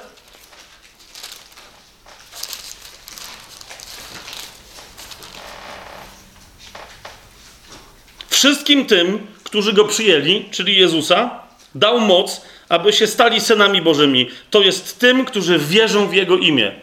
Sama wiara. Zauważcie, to jest to, co mówi Jan. I, I, jaki jest tego skutek? Nowonarodzenie, którzy są narodzeni nie z krwi, ani z woli ciała, ani z woli mężczyzny, ale z Boga. Amen? Jeszcze raz, i dokładnie z tego punktu wychodzi Jakub, który w pierwszym rozdziale swojego listu, w 18 wersecie, mówi, że ojciec ze swojej woli a więc z woli Boga jesteśmy zrodzeni, tak? Z woli swojej zrodził nas czym? Słowem prawdy, abyśmy byli jakby pierwocinami Jego stworzeń. A więc mamy reprezentować nową naturę, ponieważ jesteśmy nowonarodzeni. I teraz zauważcie, co się dzieje w drugim rozdziale, w dziewiętnastym wersecie. Dlaczego powiedziałem, że Jakub kwestionuje wiarę, która nie owocuje uczynkami? Po pytaniu w osiemnastym wersecie, pokaż mi swoją wiarę, po, po wyzwaniu mówi, pokaż mi swoją wiarę bez Twoich uczynków, a ja Ci pokażę swoją wiarę z moich uczynków, zaraz uderza w co? W podstawowe judaistyczne wyznanie wiary. W Shema. Shema Izrael, Adonai Elohim, Adonai Ehad. Najważniejsze wyznanie judaizmu. Kto to wyznaje, jest sprawiedliwy. Kto to mówi, w sposób religijny, Ado, tak? Shema Izrael, słuchaj Izraelu, Adonai Elohim, Pan jest Bogiem, Adonai Ehad, Pan jest jeden. Tak? I on mówi, niektórzy z was na tym tylko poprzestają, ale teraz zauważ komentarz w 19 wersecie. Ty wierzysz, że jest jeden Bóg i dobrze czynisz. I mamy zabójczy, zabójczy do tego komentarz, naprawdę zabójczy komentarz. Demony Jakub komentuje, także w ten sposób wierzą i drżą. Rozumiecie, o co, o, o, co on tutaj robi? On mówi: Istnieje coś takiego, co wygląda jak wiara, ale ta wiara nie ma mocy narodzić kogoś na nowo. Rozumiesz? Możesz mieć wiarę, która będzie podobna do wiary diabelskiej. To, że ty coś wiesz, jeżeli nie pozwoliłeś wierze, która pochodzi od Ojca przez Chrystusa w Duchu Świętym, jeżeli nie pozwoliłeś jej przekonać swojego serca i narodzić się na nowo, jeżeli tego nie zrobiłeś, to możesz mieć na ustach coś i twój umysł będzie przekonany, wszystko się zgadza, ale on mówi, demony mają dokładnie tak samo i jakoś nie są nowonarodzone, ale drżą. Zwróciliście na to uwagę? On mówi wyraźnie, jest taki rodzaj wiary, które mają, którą mają demony, to jest wiedza o tym, że Bóg jest jeden. Zobaczcie, jak wiele rzeczy demony mogłyby wyznać. Sęk tylko w tym, że nie wyznały osobistej wiary w, Chrystusa. On, o, dokładnie to, kim jest Chrystus, odrzuciły, począwszy od, od tego pierwszego, a za nim poszła cała, cała reszta stworzeń yy, duchowych, tak? Cała część yy, tych stworzeń, które nazywamy, yy, które nazywamy aniołami. Otwórzmy sobie pierwszy Jana, żeby zobaczyć yy, tekst, który to, o czym Jakub tu w skrócie mówi, bo on wie, że mówi do ludzi, którzy rozumieją, yy, co się dzieje. Otwórzmy sobie Jana, yy, żeby szerszy komentarz przeczytać. Zobaczcie, jak, jak Jan nazywa e, chrześcijaństwo, jak je definiuje. To nie jest jedyna definicja w Biblii. Tak? Dzisiaj jeszcze mm, o, o, o chrześcijaństwie, o, o, o Kościele, e, jeszcze przynajmniej jedną definicją się posłużymy. Tak? Ale zauważcie, jak chrześcijaństwo definiuje Jan i jeżeli słyszeliście ten tekst milion razy, usłyszcie go milion pierwszy i, i, i usłyszmy go milion pierwszy raz i dajmy się wstrząsnąć. Potrząsnąć temu tekstowi. Zobaczcie, co on mówi. To jest, to jest pierwszy list Jana, czwarty rozdział, szesnasty werset do dwudziestego. Jan mówi: My poznaliśmy i uwierzyliśmy w miłość, którą Bóg ma do nas. Nawet nie mówi, że uwierzyliśmy tylko i wyłącznie w Boga. Tak? W dziewiątym wersecie tego rozdziału, zobaczcie, powiada, przez to objawiła się miłość Boga ku nam, że Bóg posłał na świat swojego jednorodzonego Syna, abyśmy żyli przez Niego. Pamiętacie, to jest dokładnie to, co, co, co Paweł w liście do Rzymian mówi. Że w tym się objawiła miłość Boga ku nam, że, że Jego Syn umarł za nas, kiedy my jeszcze byliśmy grzesznikami. Jan mówi dokładnie to samo. Tak? A więc mówi wierzyć w Jezusa, co oznacza, jeszcze raz szesnasty werset, poznać i uwierzyć w miłość, którą Bóg ma do nas. Miłość, którą Bóg ma do nas, nie jest wyrażona w zasadach, ale jest wyrażona w osobie Jezusa Chrystusa, umierającego za mnie na krzyżu i zmartwychwstającego z woli Ojca. I swoją drogą z własnej też. Więc Jan mówi, my poznaliśmy i uwierzyliśmy, 16 werset, w miłość, którą ma Bóg do nas. Bóg jest miłością, a kto trwa w miłości, mieszka w Bogu, a Bóg w nim. I teraz zauważcie, co zaznacza, że miłość ma swoją siłę przeciwstawną. I to ta przeciwstawna siła to absolutnie nie jest nienawiść. On mówi: W tym jest doskonała miłość w nas, abyśmy mieli ufność w dniu sądu, że jaki On jest, tacy i my jesteśmy na tym świecie. To jest pierwsza, najważniejsza rzecz, bo, bo nie, niektórzy zaraz przeskakują przez ten 17 werset do 18 i mówią w miłości nie ma lęku. Ale skąd się to bierze? 17 werset to wyjaśnia. Ktoś, kto uwierzył w miłość Ojca, zobacz, w tym jest doskonała miłość w nas. Co, co się wtedy w nim rodzi? Ma ufność na dzień sądu. Ale ten człowiek ufa czemu? Swoim uczynkom? Nie, ufa temu, że przez wiarę w Jezusa Chrystusa, przez Jego odkupieńczą śmierć na krzyżu, jak mówi Paweł e, w liście do Koryntian, pamiętacie, w drugim e, liście do Koryntian, w piątym rozdziale na końcu, mówi, On za nas stał się grzechem, abyś On tego, który nie znał grzechu, uczynił grzechem. Czyli Ojciec Chrystusa, abyśmy my w Nim stali się samą sprawiedliwością Boga. Amen? A więc doszło do konkretnej zamiany. My w duchu mamy dar od Boga, którym jest Jego osobista obecność, którym jest Jego osobisty przymiot, jakim jest sprawiedliwość. I teraz rozumiesz, ufność, która powoduje, że możesz zacząć się przestać bać i coraz mniej się bać, na czym polega? Nie na tym, co ty robisz, czy to jest jasne, ale na tym, kim Bóg cię stworzył w Twoim duchu. Na tym, kim jesteś i że ty w sobie jesteś dokładnie tym, kim jest Bóg. Masz, masz tę samą naturę. Pamiętacie? Jakub dokładnie o tym powiedział, że my jesteśmy pierwocinami Jego stworzeń, my jesteśmy uczestnikami Jego natury, powie Piotr. Jeszcze dzisiaj będziemy do tego, do tego fragmentu się odwoływać. A więc nasza ufność na czym polega? Jeszcze raz, zobaczcie 17 werset, e, abyśmy, 17 werset czwartego rozdziału pierwszego listu Jana, abyśmy mieli ufność w dniu sądu, że jaki On jest, tacy i my jesteśmy na tym świecie. To jest pierwsza rzecz. I teraz z tej ufności dopiero bierze się co? Wyrugowanie lęku z naszego życia. Przez to, że jesteśmy nowymi stworzeniami, zobaczcie 18 werset, mm, w miłości nie ma lęku, ale doskonała miłość usuwa lęk, bo lęk przynosi udrękę, a kto się boi, nie jest doskonały w miłości. Jakub mówi, demony też wierzą i drżą. Wiecie, jaki tam, y, ja nie teraz się rozwijał, ale sprawdźcie sobie, to jest tak ciężki wyraz, którym się tam Jakub posłużył, że nie powtarza się nigdzie więcej e, w całym Nowym Przymierzu. Septuaginta się nim posługuje. Na przykład, yy, yy, ostatnio żeśmy, żeśmy cytowali, ale to chciałbym, żebyście to zobaczyli. Yy, cytowałem Hioba, nie pamiętam kiedy to ostatnio było, ale cytowałem ten, ten fragment y, o spotkaniu Hioba z Bogiem. To jest czwarty rozdział Księgi Hioba, piętnasty werset. I tam y, mówi y, Hiob taką rzecz. Y, to jest czwarty rozdział, czternasty i piętnasty werset. On mówi tak. Ogarnęły mnie strach i drżenie, od których wszystkie moje kości zadrżały. To właśnie ogarnęły mnie strach i drżenie, takie, że nie tylko drżała mi skóra, taka, że nie tylko drżały mi mięśnie, ale moje kości za zaczęły drżeć. Wtedy duch przeszedł przed moją twarzą, a mnie zjeżyły się włosy na całym moim ciele. Teraz Septuaginta, tam się, czyli greckie tłumaczenie hebrajskiego tekstu, posługuje się dokładnie tym wyrazem.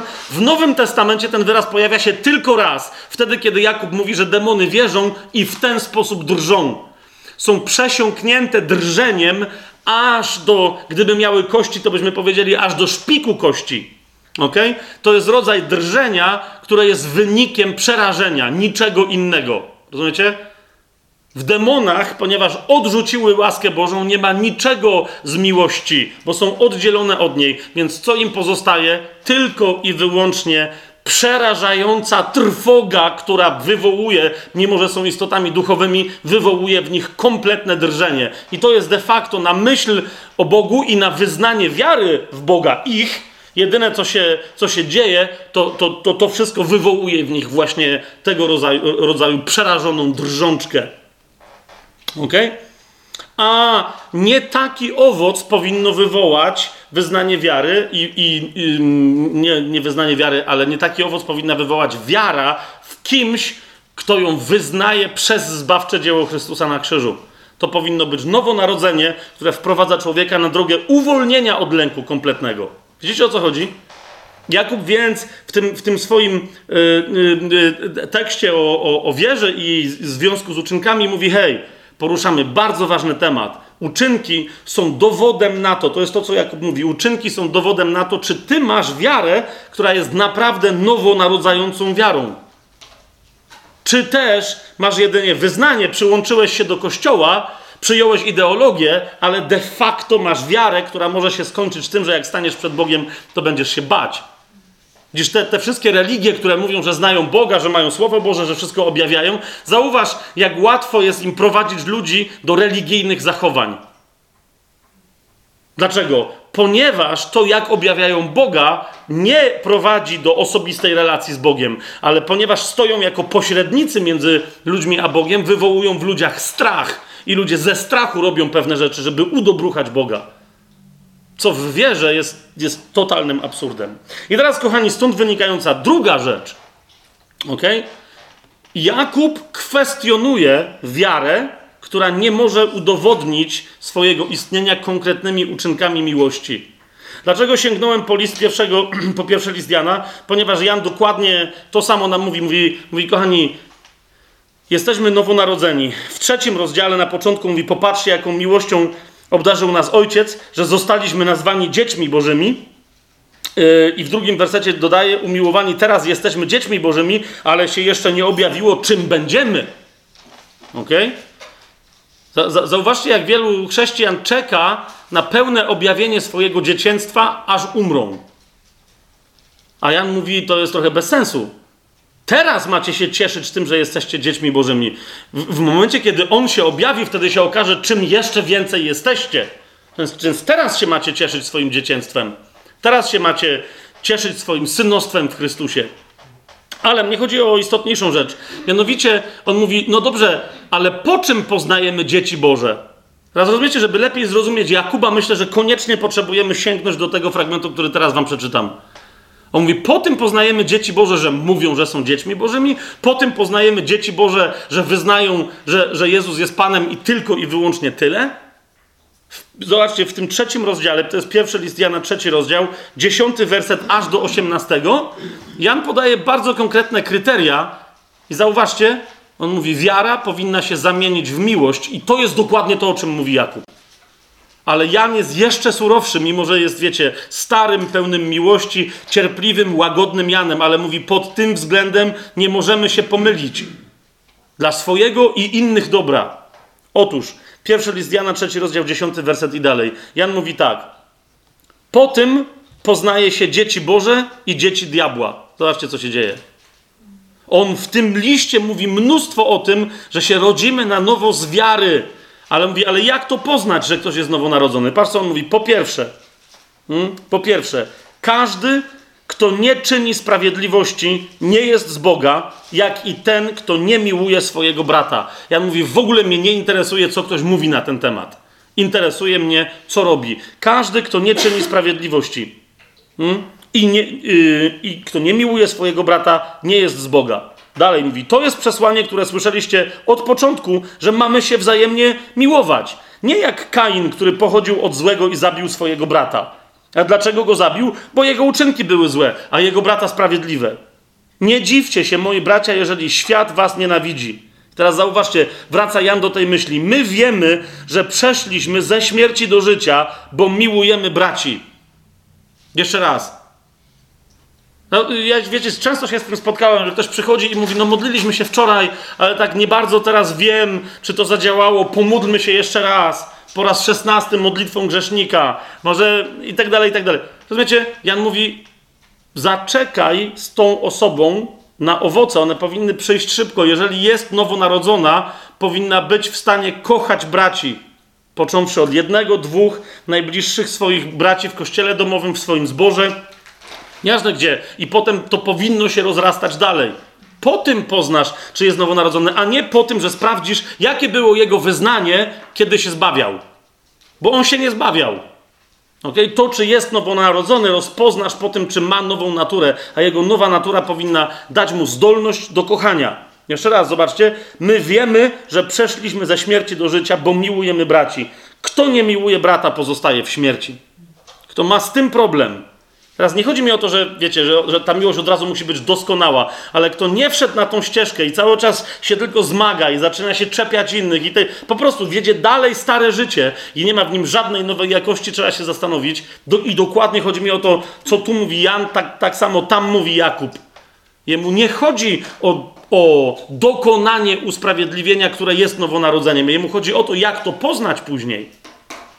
Czytamy dalej Jana. Zobaczcie, co, co on mówi, 15 werset. Każdy, kto nienawidzi swojego brata, bo on mówi, no, co, tu możemy mieć całą, jeżeli widzisz u kogoś, że, że z nienawiścią traktuje kogokolwiek innego, to mówi, tu masz całkowitą, stuprocentową pewność, że to nie jest nowonarodzona osoba. Jeżeli ktoś się podaje za chrześcijanina i kogoś nienawidzi, teraz wiecie, ja nie chcę dzisiaj się do, do współcześnie żyjących osób odnosić, ale zauważcie, jak wiele osób w przeszłości podawało, że są stuprocentowymi, wzorcowymi uczniami Chrystusa, ale kogoś tam nienawidzili. Nienawidzili czarnoskórych, nienawidzili innowierców, nienawidzili hmm? i w tym między innymi nienawidzili siebie nawzajem. Dlaczego? No bo mówili, e, my wierzymy ortodoksyjnie, a ty jesteś heretykiem. Co trzeba zrobić z heretykiem? Zarżnąć go. To, to jest stuprocentowy dowód według Jana, że to nie były nowonarodzone osoby. Mogły mieć na ustach całą Ewangelię, ale nie były nowonarodzone. Skąd o tym wiemy 15 werset? Każdy, kto nienawidzi swojego brata, jest mordercą, a wiecie, że żaden morderca nie ma życia wiecznego pozostającego w sobie. Kropka. Dalej, i teraz zauważcie, bo ktoś powie, no ale to jest troszeczkę inny kaliber. Nie, to jest ten sam kaliber. W drugim rozdziale, w którym Jakub dociera do momentu, mówi, wierzysz, że Bóg jest jeden, demony też wierzą i drżą. Zobaczcie, pierwsza część tego rozdziału to jest robienie różnicy między bogatymi i biednymi i złe traktowanie biednych. To jest dokładnie to, o czym Jakub mówi. On tam nie mówi o mordercach, bo odwołuje się do chrześcijan, którzy są porządnicy, okej? Okay? Ale mówi im, ale źle traktujecie biednych. Zauważcie, jak szybko od nienawiści do braci, od morderstwa przeskakuje Jan dokładnie do tego. 17 werset, popatrzcie. A kto miałby majętność tego świata i widziałby swojego brata w potrzebie, a zamknąłby przed nim swoje serce, jakże może mieszkać w nim miłość Boga? A pamiętacie Jakuba, co mówi? Przyjdzie do ciebie brat, i który jest biedny, a ty mu mówisz: idź w pokoju, bracie, naprawdę będę się za ciebie modlił. Błogosławię cię w imieniu Chrystusa. Mówi, to, no to co, co się dzieje? Twierdzisz, że masz wiarę, ale gdzie jest uczynek, który byłby jej dowodem, który naturalnie by z niej wypłynął? Więc, za, więc mam pytanie, Jakub mówi, czy masz wiarę? I y, na koniec y, Jan y, to swoje rozważanie podsumowuje w 18 wersecie. Mówi: Moje dzieci, nie miłujmy słowem czy językiem, ale uczynkiem i prawdą. Znacie? To, to, jest, to, to jest dokładnie to, o co chodzi Jakubowi w jego liście. On tam nie rozważa procesu dynamiki zbawienia człowieka, tak? Ale czy ludzie, którzy twierdzą, że są zbawieni, bo mówią, że mają wiarę, czy naprawdę są zbawieni, czy mają tę wiarę, która daje nową naturę, która zmienia charakter? Hmm? Swoją drogą, Jan, do tego jeszcze wrócimy, yy, bo, bo myślę, że ten 18, ten 18 werset jest klarowny, ale zauważcie, Jan mówi, uważajcie, nie tylko poznacie innych, czy są zbawieni, po tym, że przynoszą owoce, ale być może do niektórych z Was przyjdzie diabeł i będzie wzbudzać w Was poczucie winy, mówiąc: A czy ty, aby na pewno jesteś zbawiony, a czy ty, aby, na pewno jesteś usprawiedliwiona? Jan mówi: Również ty sam siebie czy sama siebie uspokoisz, kiedy będziesz widzieć w swoim życiu owoce? Zobaczcie, 19 werset mówi: Po tym również my poznamy, że jesteśmy z prawdy i uspokoimy przed nim nasze serca, przed Bogiem. Tak? Po tym, że, od, że po, Jan mówi, nie, że ty teraz będziesz wyznawać, staniesz przed Bogiem i będziesz coś tam krzyczeć, żeby to było zgodne z prawdą. Nie, że wy, powynajdujesz 50 właściwych cytatów i sobie powypisujesz y, na wszystkich ścianach. Ale test jest bardzo prosty. Czy masz w sobie odruch serca, które jest pełne miłosierdzia dla tych, którzy potrzebują? Czy umiesz, kiedy sobie zdasz sprawę, że twój brat może trochę przekroczył granicę i nadepnął ci na odcisk, czy umiesz nie odwdzięczyć mu się pięknym za nadobne w cudzym słowie, ale czy umiesz się cofnąć i okazać mu miłość, która jest pełna wyrozumiałości? Czy umie... Jeżeli tak, Jan mówi, to to powinno uspokoić twoje serce. Nie rozważanie doktryny, ale owocu w swoim życiu. Nawet jeżeli go nie widzisz, bo diabeł przychodzi i cię okłamuje i kwestionuje owoc w twoim życiu, to zaraz możesz zobaczyć następny owoc. To jest żaden problem. Wystarczy, że się pojawisz w swoim kościele, w swoim zborze, na zgromadzeniu, które ma choćby pięć osób. Gwarantuję ci, że jak poprosisz Boga, żeby ci dał możliwość sprawdzenia, czy masz jego naturę, zawsze ktoś z czymś głupim wyskoczy i będzie okazja, żeby go umiłować. Amen? Zatem, kochani, i, i teraz dlaczego o tym mówię? Ponieważ ten dziewiętnasty werset według mnie jest kluczem do zrozumienia ostatniej części wypowiedzi Jakuba, która jest naj, najgorsza. Dlaczego? No właśnie dlatego, że ona mówi o tym, że ludzie zbawiają się nie tylko z wiary, ale ze swoich uczynków. Tak? Ona jest, to, ten fragment, po tym poznamy, że jesteśmy sprawdzy i uspokoimy przed nim nasze serca, on jest kluczowy do zrozumienia tego, o czym mówi Jakub tej swojej e, trzeciej części. Otwórz, wróćmy do Jakuba.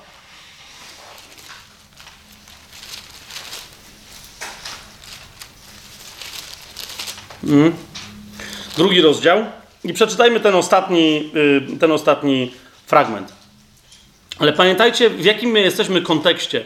Pamiętajcie, w jakim my tu jesteśmy y, kontekście. Jakub zaczyna kwestionować, że nie każda wiara wyznawana jest wiarą noworodzącą, tak, rodzącą człowieka na nowo. Nie każda wiara przynosi usprawiedliwienie. I teraz, rozumiecie, skoro on to zakwestionował w, w, tak straszny sposób, mówiąc, że demony też wierzą i drżą, że mają jakiś rodzaj wiary, wtedy mówi: Masz wątpliwości, judaizujący chrześcijaninie, że to, co mówię, jest prawdą? Zobacz, to jest drugi rozdział Jakuba, 20 werset. Czy chcesz się przekonać, marny człowieku, że wiara bez uczynków jest martwa? No i tu zadaję sensacyjne pytanie. Czasem czytamy w Biblii tego typu rzeczy i łykamy jak pelikany, nie widząc, że autorzy biblijni za sprawą Ducha Świętego rzucają nam jeszcze raz wyzwanie i że niekoniecznie wszystko tak się ma, jak wydawałoby się, że się ma. Zauwa zauważcie, 21 werset. Jakub zadaje pytanie: Czy Abraham, nasz ojciec, nie został usprawiedliwiony z uczynków, gdy ofiarował Izaaka, swojego syna, na ołtarzu? No, odpowiedź brzmi: no nie. Dopiero co o tym mówiliśmy. Zauważcie, niektórzy to czytają i mówią, no właśnie, i dalej to, co będzie, to będzie dowód Jakuba, że Abraham został usprawiedliwiony z No ale jeszcze raz, przypomnijcie sobie. Sam Jakub dalej cytuje, 23 werset, fragment, który mówi, uwierzył Abraham Bogu i poczytano mu to za sprawiedliwość. Widzicie to? To jest który rozdział Księgi Rodzaju, czyli pierwszej Mojżeszowej? To jest 15 rozdział. A w którym rozdziale, czyli wtedy została mu jego wiara poczytana za sprawiedliwość, a w którym rozdziale w ogóle e, Abraham myśli, że ma składać Jakuba w ofierze? Siedem rozdziałów dalej, w 22 rozdziale Księgi Rodzaju. Co myślicie, że Jakub o tym nie wie? No więc w takim razie po co zadaje dziwne pytanie, czy Abraham, nasz ojciec, nie został usprawiedliwiony z uczynków, gdy ofiarował Izaaka, swojego syna, na ołtarzu? Pani, najpierw to, to, sięgnijmy sobie o co Jakubowi chodzi, żeby zrozumieć, co dalej pisze a propos tych uczynków. Otóż otwórzmy sobie Księgę Rodzaju, y, żeby to bardzo szybko zobaczyć.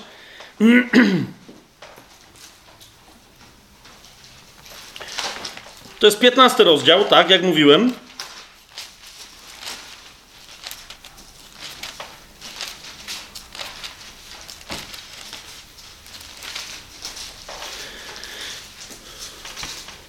I szósty werset, tak? To jest to, co sam Jakub cytuje, to jest dokładnie to, co Paweł cytuje yy, na temat Abrahama. 15 rozdział Księgi Rodzaju, pierwsza Mojżeszowa, szósty werset. I uwierzył Jachwę, Abram, i poczytano mu to za sprawiedliwość. W co uwierzył e, Abraham? Mówiliśmy o tym poprzednim razem. W obietnicę, którą mu Pan złożył w czwartym i piątym wersecie. Zobaczcie. A oto dotarło do niego słowo Jachwę. Nie on będzie twoim dziedzicem, nie ten człowiek, o którym Abraham wtedy myślał, że po nim będzie dziedziczył, ale ten, który wyjdzie z twojego wnętrza, będzie twoim dziedzicem. Potem wyprowadził go na pole i powiedział: Spójrz teraz na niebo i policz gwiazdy, jeżeli będziesz mógł je policzyć. I powiedział mu: Takie będzie twoje potomstwo. A więc mówi: Będziesz mieć dziedzica, a po tym dziedzicu tak liczne będzie twoje potomstwo. I w to uwierzył Abram, Bogu, który, on, który do niego mówił, w to uwierzył. Uwierzył w dziedzica jako klucz do całego ogromnego potomstwa po sobie. I to zostało poczytane Abrahamowi za sprawiedliwość. Ale teraz, kochani, a propos tego, czy ktoś wie, czy nie wie, powiedzcie mi, czy w tym miejscu jakkolwiek, nawet sam Abram wiedział, że mu to zostało poczytane za sprawiedliwość? Rozumiecie o co mi chodzi? Zostało mu to poczytane za sprawiedliwość, ale zwróciliście uwagę, że Bóg mu tego nie objawił, że, że ma to poczytane za sprawiedliwość? Hmm? Teraz na jedną rzecz chcę Wam zwrócić uwagę. O co chodzi Jakubowi?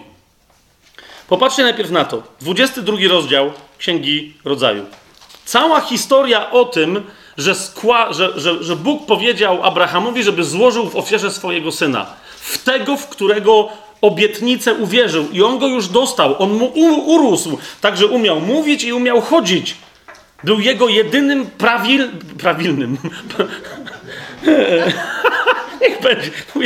Jedynym prawilnym dziedzicem. Z wszystkim, co należy do prawilnego dziedzica. I teraz spójrzcie, jak zaczyna się historia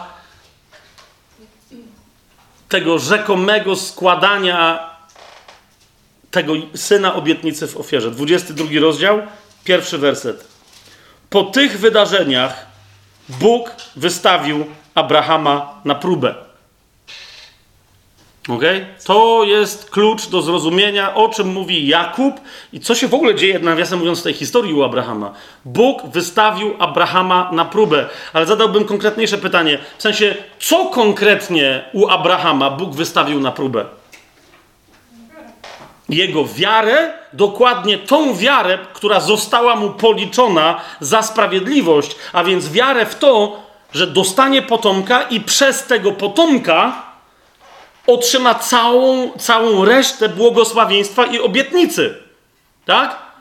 Łatwo jest powiedzieć, mimo że Abraham nawet tego nie wyznał, Bóg to zobaczył w jego sercu. Ale rozumiecie, jakby ktoś przyszedł do Abrahama i powiedział: Czy ty wierzysz, że przez tego twojego syna będziesz, będą ciebie błogosławić narody i się twoim imieniem będą błogosławić, i że w ogóle wszyscy będą pobłogosławieni i że będą jak gwiazdy na niebie i jak piasek, na, e, jak piasek morski? Czy ty w to wierzysz, że przez tego jednego potomka? Rozumiecie, jak łatwo byłoby Abrahamowi powiedzieć, no wierzę, no widzę go. Starym był, kto by tam liczył. A tu Sara zaszła w ciążę, tak jak Pan powiedział, urodziła, chłop rośnie, co mam nie wierzyć? Ale teraz, zauważ, przychodzi do niego Bóg i mówi, Abrahamie, a on odpowiedział, oto jestem, to jest 22 rozdział, pierwszy i drugi werset. I Bóg powiedział, weź teraz tego swojego syna, twojego jedynego, Wiecie, Bóg jak już dowala, jak już robi próbę, to jest próba. Mówi, twojego jedynego. Nie masz żadnego innego. I ja ci nie mówię, że ci dam innego. To jest twój jedyny. Jak Bóg ci mówi, że to jest twój jedyny syn, to znaczy, że nie będzie drugiego. Rozumiesz? Bóg mu to powiedział. To jest twój jedyny syn. Weź go, twojego jedynego, którego miłujesz. O Boże!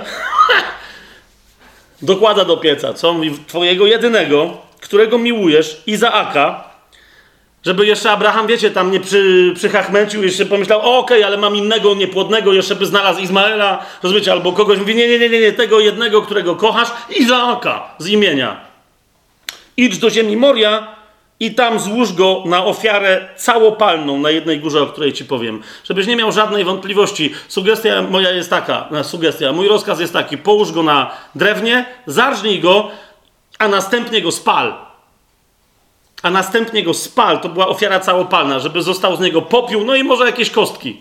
To jest to, co masz zrobić z tym swoim jedynym. Rozumiecie, co to jest? To nie jest w ogóle próba dla Abrahama. To jest próba czego? To jest próba wiary, którą on miał.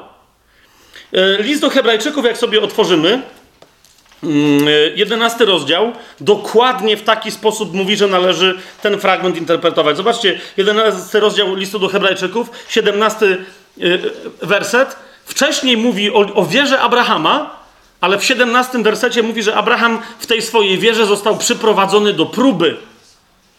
I Paweł tę próbę opisuje tak. Przez wiarę Abraham, wystawiony na próbę, ofiarował Izaaka. On, który otrzymał obietnicę, złożył w ofierze jednorodzonego. W domyśle, no każdy, kto zna tamtą historię, właśnie tego, który był tą obietnicą. To była prób, dokładnie o to chodziło w tej próbie wiary. E, zobaczcie, jeszcze jakbyśmy głębiej się temu przyjrzeli. Widzisz, nawet człowiek, który ma relację z Bogiem, a otrzymuje w ramach tej relacji obietnicę, bo Bóg jest Bogiem obietnic, zauważ, jak łatwo może wpaść w idolatrię i w bałwochwalstwo. Zauważ, jak łatwo może zacząć wierzyć, myśląc, że wierzy Bogu, może zacząć wierzyć w to, co dostał od Boga i na tym polegać. Rozumiecie, o co mi chodzi? Bóg chciał sprawdzić, czy wiara Abrahama, kiedy już ma jednorodzonego syna, nadal jest zaufaniem wobec niego, wobec Boga. Czy czasem jego zaufanie nie zostało przeniesione na Izaaka? Rozumiecie o co mi chodzi? Abrahamie, twoja wiara została ci poczytana za sprawiedliwość. Ale teraz zobacz, ty zobacz, że twoja wiara, kto normalny, rozumiecie, kto normalny w ogóle by poszedł w tamtą stronę z tym synem? Abraham ma w sobie nadzieję. Jak go Izaak pytam, jak gdzie jest ofiara, którą mamy spalić? Bo wszystko jest ogień, drwa, gdzie jest ofiara? Pamiętacie odpowiedź Abrahama? Mówi, Bóg znajdzie sobie baranka, który zostanie na tej ofierze, w ramach tej ofiary złożony. Co nawiasem mówiąc jest proroctwem na temat Pana Jezusa. To jest to samo miejsce, na którym później On został ukrzyżowany. To jest dokładnie, Góra Moria to jest dokładnie, dokładnie to miejsce. Ale rozumiesz, o co mi idzie? Abraham miał wiarę, której by nie miał jako naturalny, zmysłowy człowiek.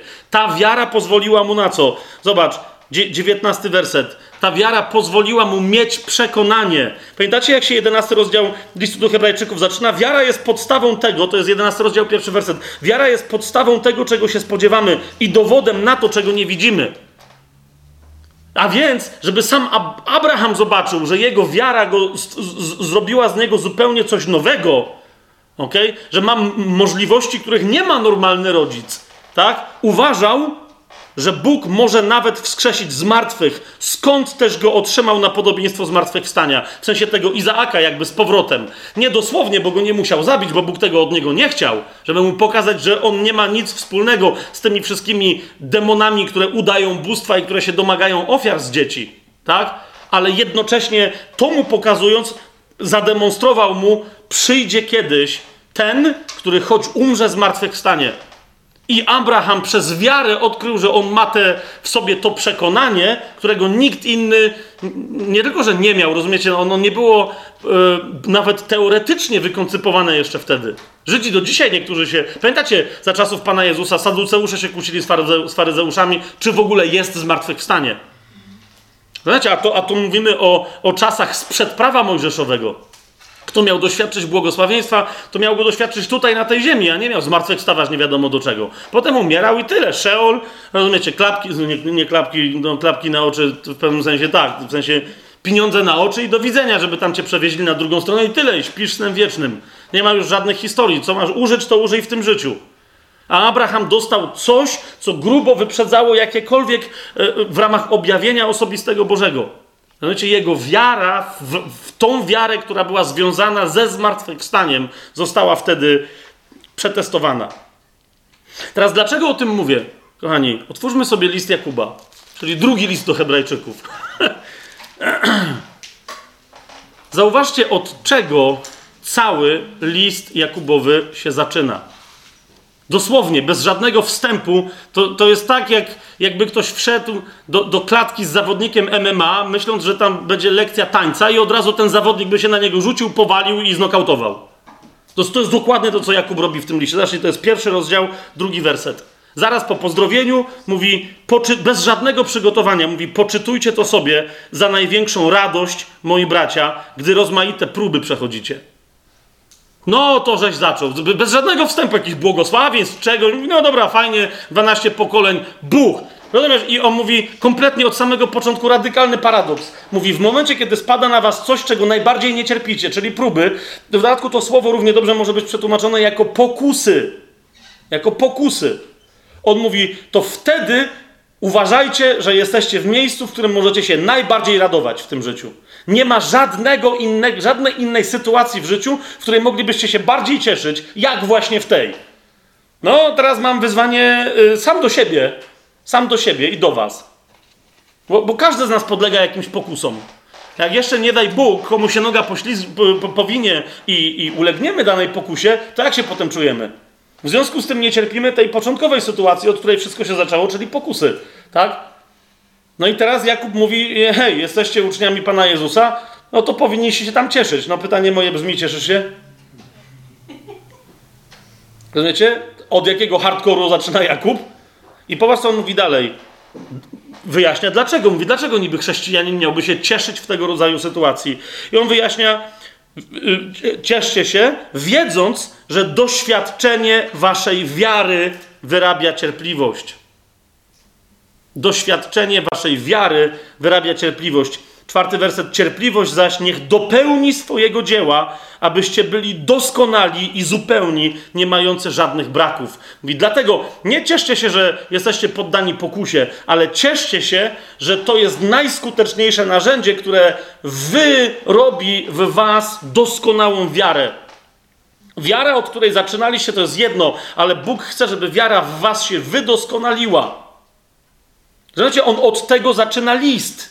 I dlatego w drugim rozdziale powołuje się na Abrahama, który został, którego wiara została poddana próbie, żeby co wywnioskować? Zobaczcie 22 werset. Zaraz po tym jego dziwacznym pytaniu, 21 werset, jeszcze raz wam przypominam, czy Abraham, nasz ojciec, nie został usprawiedliwiony z uczynków, gdy ofiarował Izaaka, swojego syna, na ołtarzu? Odpowiedź brzmi, no nie został usprawiedliwiony z uczynków. Bóg zobaczył jego wiarę i już wtedy poczytał mu to za sprawiedliwość. Amen? Ale Jakub wyjaśnia, co ma na myśli. Otóż mówi: Widzisz, 22 werset, że wiara, którą Abraham miał, współdziałała z jego uczynkami, i przez uczynki wiara ta stała się doskonała. Rozumiecie o co mi chodzi? On mówi: Po tym wiesz, że masz wiarę, która jest skuteczna, że kiedy ta wiara jest poddana próbie, to ty przechodzisz przez tę próbę zwycięsko i twoja wiara po tej zwycięskiej próbie jest silniejsza niż była wcześniej. A więc on mówi, to, że jesteś usprawiedliwiony z łaski przez wiarę, to jest to, kim ty się stałeś. Ale skąd ty możesz wiedzieć, albo ktokolwiek na zewnątrz, skąd, no właśnie, nie tylko ktokolwiek, ale skąd ty możesz wiedzieć, że jesteś usprawiedliwiony? Stąd, że możesz przejść przez dowolną próbę wiary, obronną, zwycięską ręką. Jeszcze raz porównajcie yy, trzeci werset i czwarty, wiedząc, pierwszego rozdziału, wiedząc, że doświadczenie waszej wiary wyrabia cierpliwość, cierpliwość zaś niech dopełni swojego dzieła, abyście byli doskonali i zupełni. I teraz 22 werset widzisz, że, yy, drugiego rozdziału, widzisz, że wiara współdziałała z Abrahama uczynkami i przez te uczynki jego wiara stała się wiarą doskonałą. I jak kończy tę myśl, Jakub mówi, i tak wypełniło się pismo, które mówi, uwierzył Abraham Bogu i poczytano mu to za sprawiedliwość oraz został nazwany przyjacielem Boga. A więc on mówi, wtedy kiedy on uwierzył Bogu, już zostało mu to poczytane za sprawiedliwość. Ale kiedy ten akt się wypełnił w jego życiu, kiedy mogło się wypełnić pismo, wtedy, kiedy ta jego wiara została poddana próbie i przeszedł przez tę próbę zwycięsko. Czy to jest jasne, co, co, teraz, co teraz powiedziałem? Jeszcze raz, yy, zobaczcie, pierwszy list Jana, trzeci rozdział, dziewiętnasty werset. Po tym, właśnie po tym, że poddajemy naszą wiarę próbom, jakim? No, czy nasza wiara wyraża się w miłości? Pierwszy list Jana, trzeci rozdział, dziewiętnasty werset. Po tym poznamy, że jesteśmy z prawdy i uspokoimy przed Nim nasze serca. Po tym poznamy, że jesteśmy z prawdy i uspokoimy przed Nim nasze serca. Otwórzmy jeszcze pierwszy Piotra, o, bo to jest, to jest, tak, to jest, to jest bardzo dobry fragment. Pierwszy Piotra od trzeciego, yy, pierwszy rozdział od trzeciego do siódmego wersetu. Zobaczcie, co, co mówi Piotr. Jest to genialna wypowiedź. Ma dokładnie to samo na myśli, co Jakub, co Jan. Zaraz się zapytamy, czy, czy to samo miał na myśli Paweł. Tak? Pierwszy Piotra, pierwszy rozdział, wersety 3 do 7. Piotr mówi tak: Błogosławiony Bóg i Ojciec naszego Pana Jezusa Chrystusa, który według swojego wielkiego miłosierdzia zrodził nas na nowo. Widzicie? Pierwsza rzecz. Akcja jest po stronie Boga i On nas rodzi na nowo w akcie usprawiedliwienia. Amen? Teraz patrzcie dalej. A więc mówi, zrodził nas na nowo do żywej nadziei przez wskrzeszenie Jezusa Chrystusa z martwych. Dlatego Paweł mówi, kto w sercu swoim uwierzy, że Bóg Jezusa wskrzesił z martwych. Tak? Dalej mówi, a więc zrodził nas na nowo do żywej nadziei. Czwarty werset. Do dziedzictwa niezniszczalnego i nieskalanego i niewiędnącego, zachowanego w niebie dla was.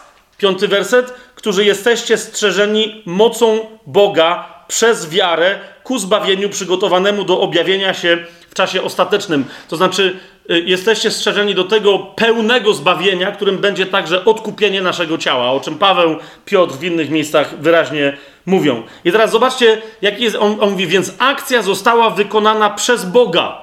Usprawiedliwienia, które zrodziło was na nowo.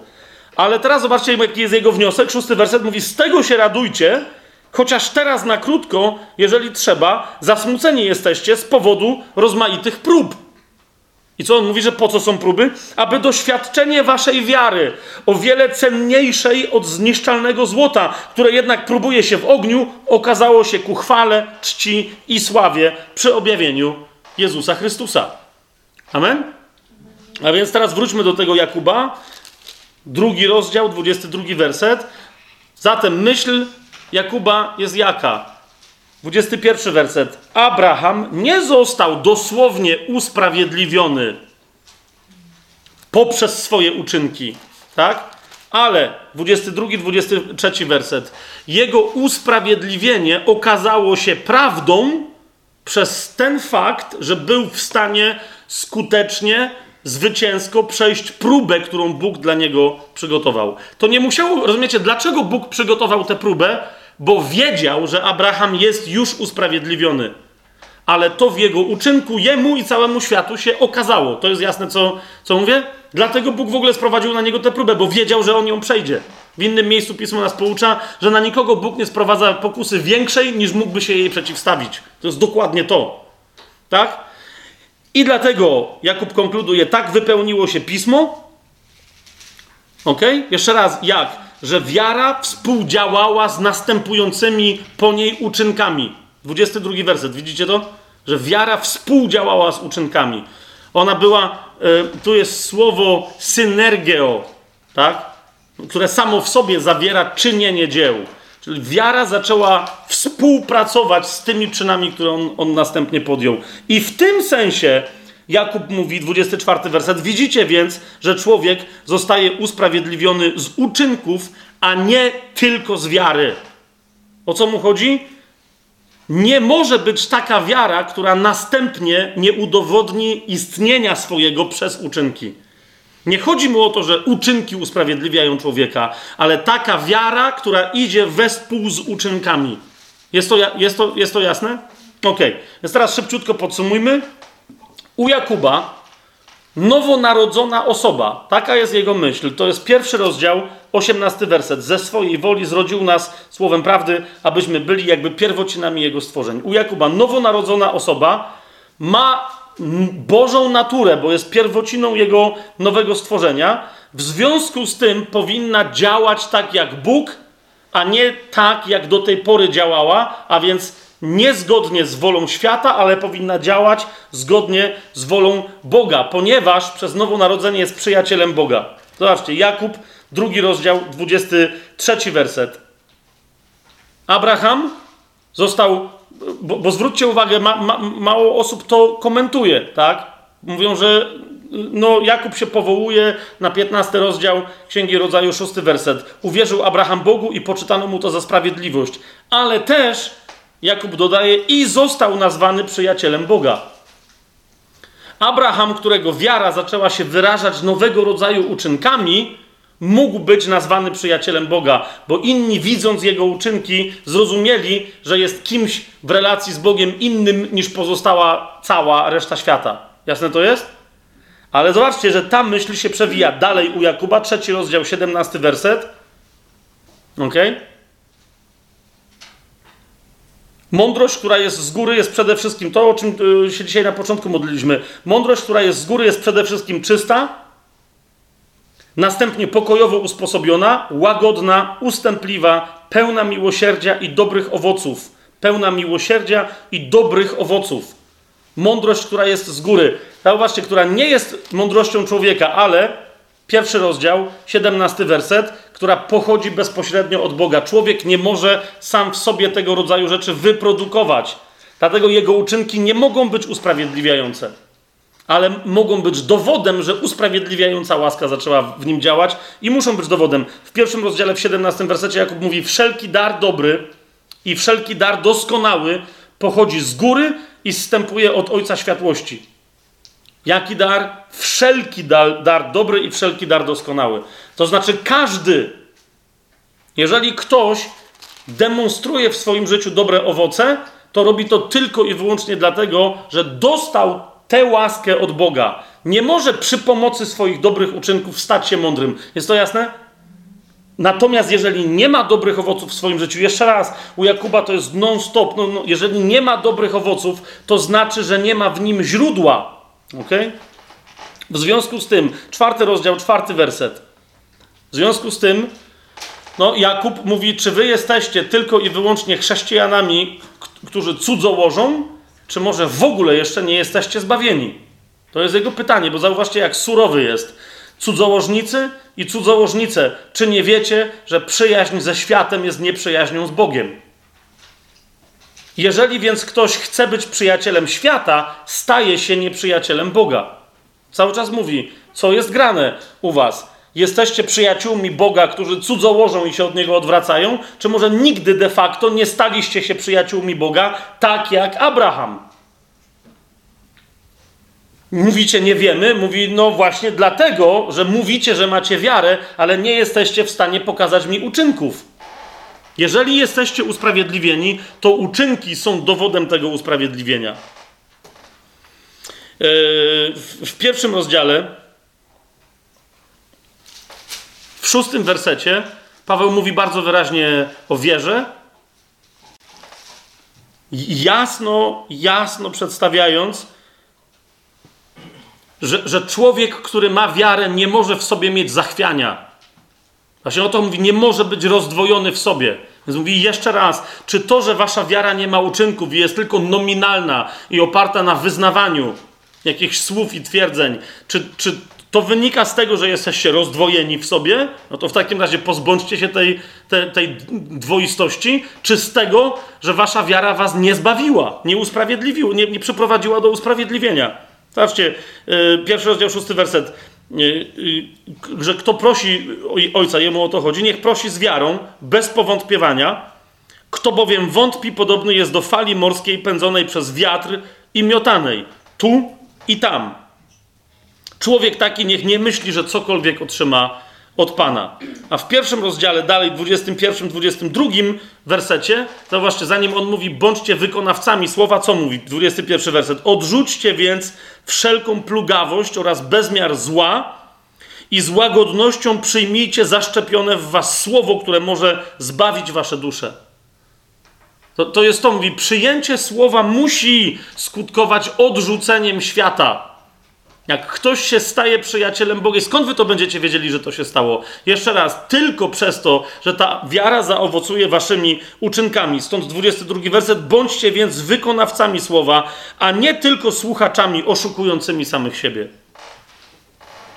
W czwartym rozdziale, w, w ósmym wersecie, dlatego Jakub wraca, to jest cały czas, widzicie, to jest kontekst jego mówienia, że człowiek usprawiedliwia się z wiary, która ma uczynki, a nie z samej wiary. Jemu nie chodzi o to, żeby się przeciwstawiać Pawłowi. Jemu chodzi o to, żeby zwrócić uwagę na to, że wiara natychmiast przez nowonarodzenie skutkuje uczynkami nowego rodzaju. Czwarty rozdział, ósmy werset mówi: Zbliżcie się do Boga, a On zbliży się do Was. Obmyjcie ręce, grzesznicy, i oczyśćcie serca, ludzie umysłu dwoistego. To jest to samo, co mówił zaraz w pierwszym rozdziale. Mówi, jeżeli wierze towarzyszy nieufność, to jak ktoś może oczekiwać, że ta wiara będzie w czymkolwiek skuteczna? I w 17 wersecie, w związku z tym, Jakub konkluduje definicją grzechu, która jest dosyć dla niektórych ludzi obciążająca. Bo mówi, kto więc, wobec tego wszystkiego, co do tej pory przez cztery rozdziały do Was powiedziałem, kto więc umie dobrze czynić, a nie czyni, popełnia grzech. Kto więc umie dobrze czynić, a nie czyni, popełnia grzech. Jak jeszcze do Was nie dociera, Jakub mówi, to, rozumiecie, to, to niech to do Was dotrze. Wiara powoduje, że możesz zacząć dobrze czynić. Jeżeli więc teraz dobrze nie czynisz, to albo nie jesteś nowonarodzony, albo świadomie grzeszysz, będąc nowonarodzoną osobą. Zwróćcie uwagę w liście do Rzymian. Paweł, co, co prawda z innej perspektywy, ale w zasadzie mówi to samo, tylko ma inaczej ustawiony celownik. To jest 14 rozdział, 23 werset. Wszystko bowiem, co nie jest z wiary, jest grzechem. Jeżeli cokolwiek robisz, niezgodnie z przekonaniem swojej wiary, jest grzechem. Tak? Ale z Twojej wiary mają wynikać dobre uczynki, i dlatego Jakub w czwartym rozdziale 17 wersecie, kto więc umie dobrze czynić, a nie czyni, popełnia grzech. Paweł mówi, kto coś robi niezgodnie z przekonaniem wiary, ten grzeszy, a Jakub mówi, kto w wyniku swojej wiary umie dobrze czynić, a nie czyni, też grzeszy. Bardzo jasno wytyczona ścieżka. Teraz, kochani, jak już to mamy zarysowane, tak, nowonarodzona osoba, Jakub nigdzie nie kwestionuje, że na nowonarodzenie pochodzi e, z aktu usprawiedliwienia, którego tylko Bóg może dokonać suwerennie w odpowiedzi na wiarę człowieka. Jakub tylko mówi, że, że wiara, która rzeczywiście skutecznie przyczyniła się do usprawiedliwienia człowieka, który teraz jest nowym stworzeniem, musi się wyrazić uczynkami. Albo skąd kto ma wiedzieć, że tam w ogóle doszło do jakiejś akcji. Tak? Teraz pytanie brzmi, czy to się zgadza z tym, co mówi Paweł? Jak jest u Pawła? Chciałbym Was na, na początku yy, zaskoczyć, bo przy naszych wszystkich rozważaniach celowo w pewnym momencie pominąłem y, pewien dziwny aspekt listu do Rzymian, od którego to aspektu Paweł zaczyna w ogóle cały swój wywód. Mianowicie mnóstwo ludzi jest zadziwionych, że list do Rzymian, w którym tyle miejsca Paweł poświęca usprawiedliwieniu z łaski przez wiarę, a nie z uczynków, że cały ten wywód Paweł zaczyna od następującego stwierdzenia, które wydawało się by być, by być sprzeczne z tym, co dalej następnie sam twierdzi. Zobaczcie, co Paweł pisze w drugim rozdziale listu do Rzymian, od najlepiej od 6 do 11 wersetu. Tego jest więcej, ale tutaj to jest najklarowniejsze. Zanim Paweł przychodzi do usprawiedliwienia z łaski, mówi o tym, że dla Boga liczą się tylko uczynki. What? Mianowicie mówi tak. I to nie mówi, że to ktoś tak cytuje, że nie, on mówi, że tak będzie. Zobaczcie, drugi rozdział, szósty werset listu do Rzymian. Aż do, aż do jedenastego. Mówi, że Bóg odda każdemu według jego uczynków. Tym, którzy przez wytrwanie w dobrym uczynku szukają chwały, czci i nieśmiertelności, odda życie wieczne. Co się dzieje? A, popatrzcie, Paweł nie, tu niczego nie cytują, mówi, tak jest. Tym, którzy w dobrym uczynku szukają chwały, czci i nieśmiertelności, mówi, odda życie wieczne. No zaraz, no to życie wieczne nie jest z wiary, co jest grane? Natomiast swardliwym i nieposłusznym prawdzie, lecz posłusznym niesprawiedliwości, odda zapalczywość i gniew. I kontynuuje. Utrapienie i ucisk odda duszy każdego człowieka, który popełnia zło, najpierw Żyda, potem Y, a chwałę, cześć i pokój każdemu, kto czyni dobro. Najpierw Żydowi, potem Y. No.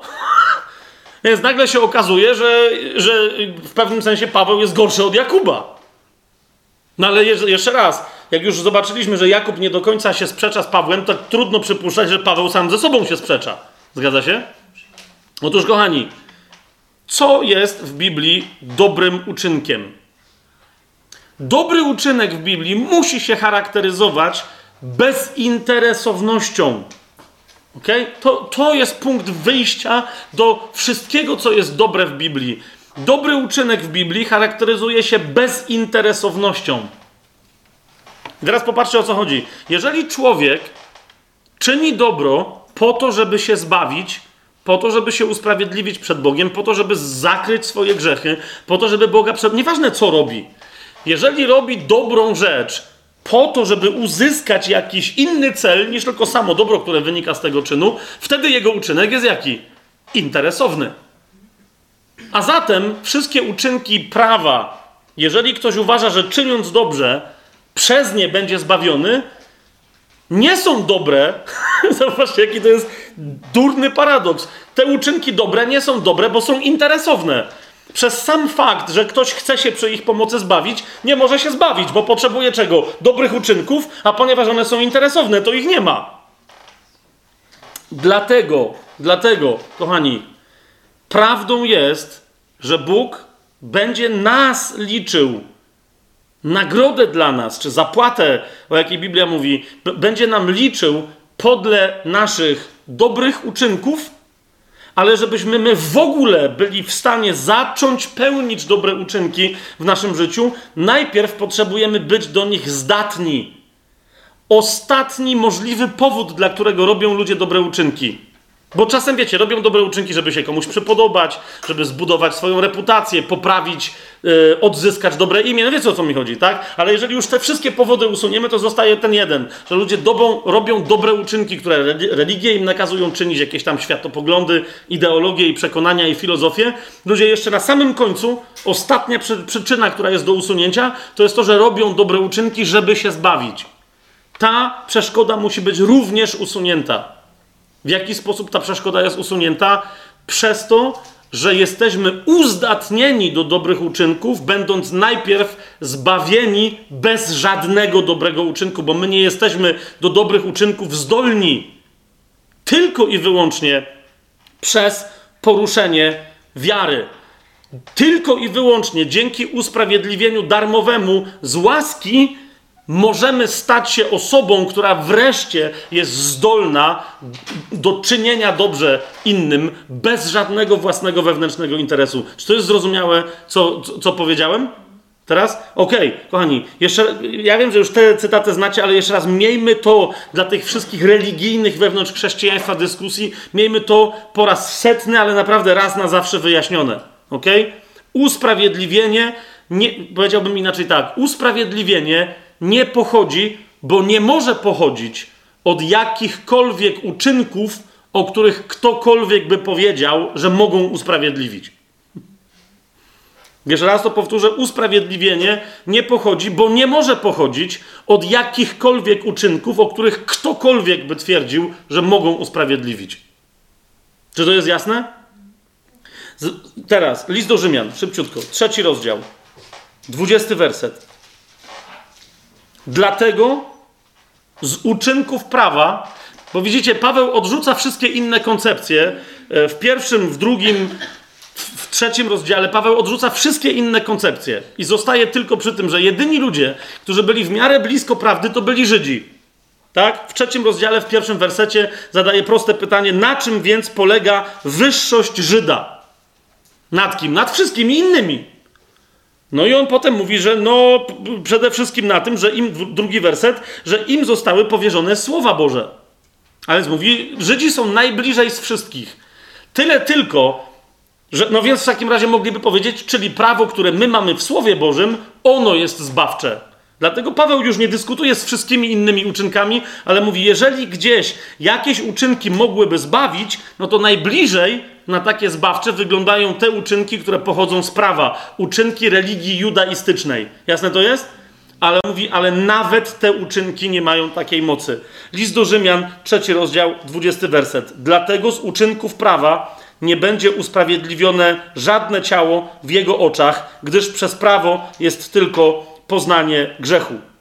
28 werset tego trzeciego rozdziału. Tak więc twierdzimy, że człowiek zostaje usprawiedliwiony przez wiarę bez uczynków prawa. Przez wiarę bez uczynków prawa. List do Rzymian, 11 rozdział.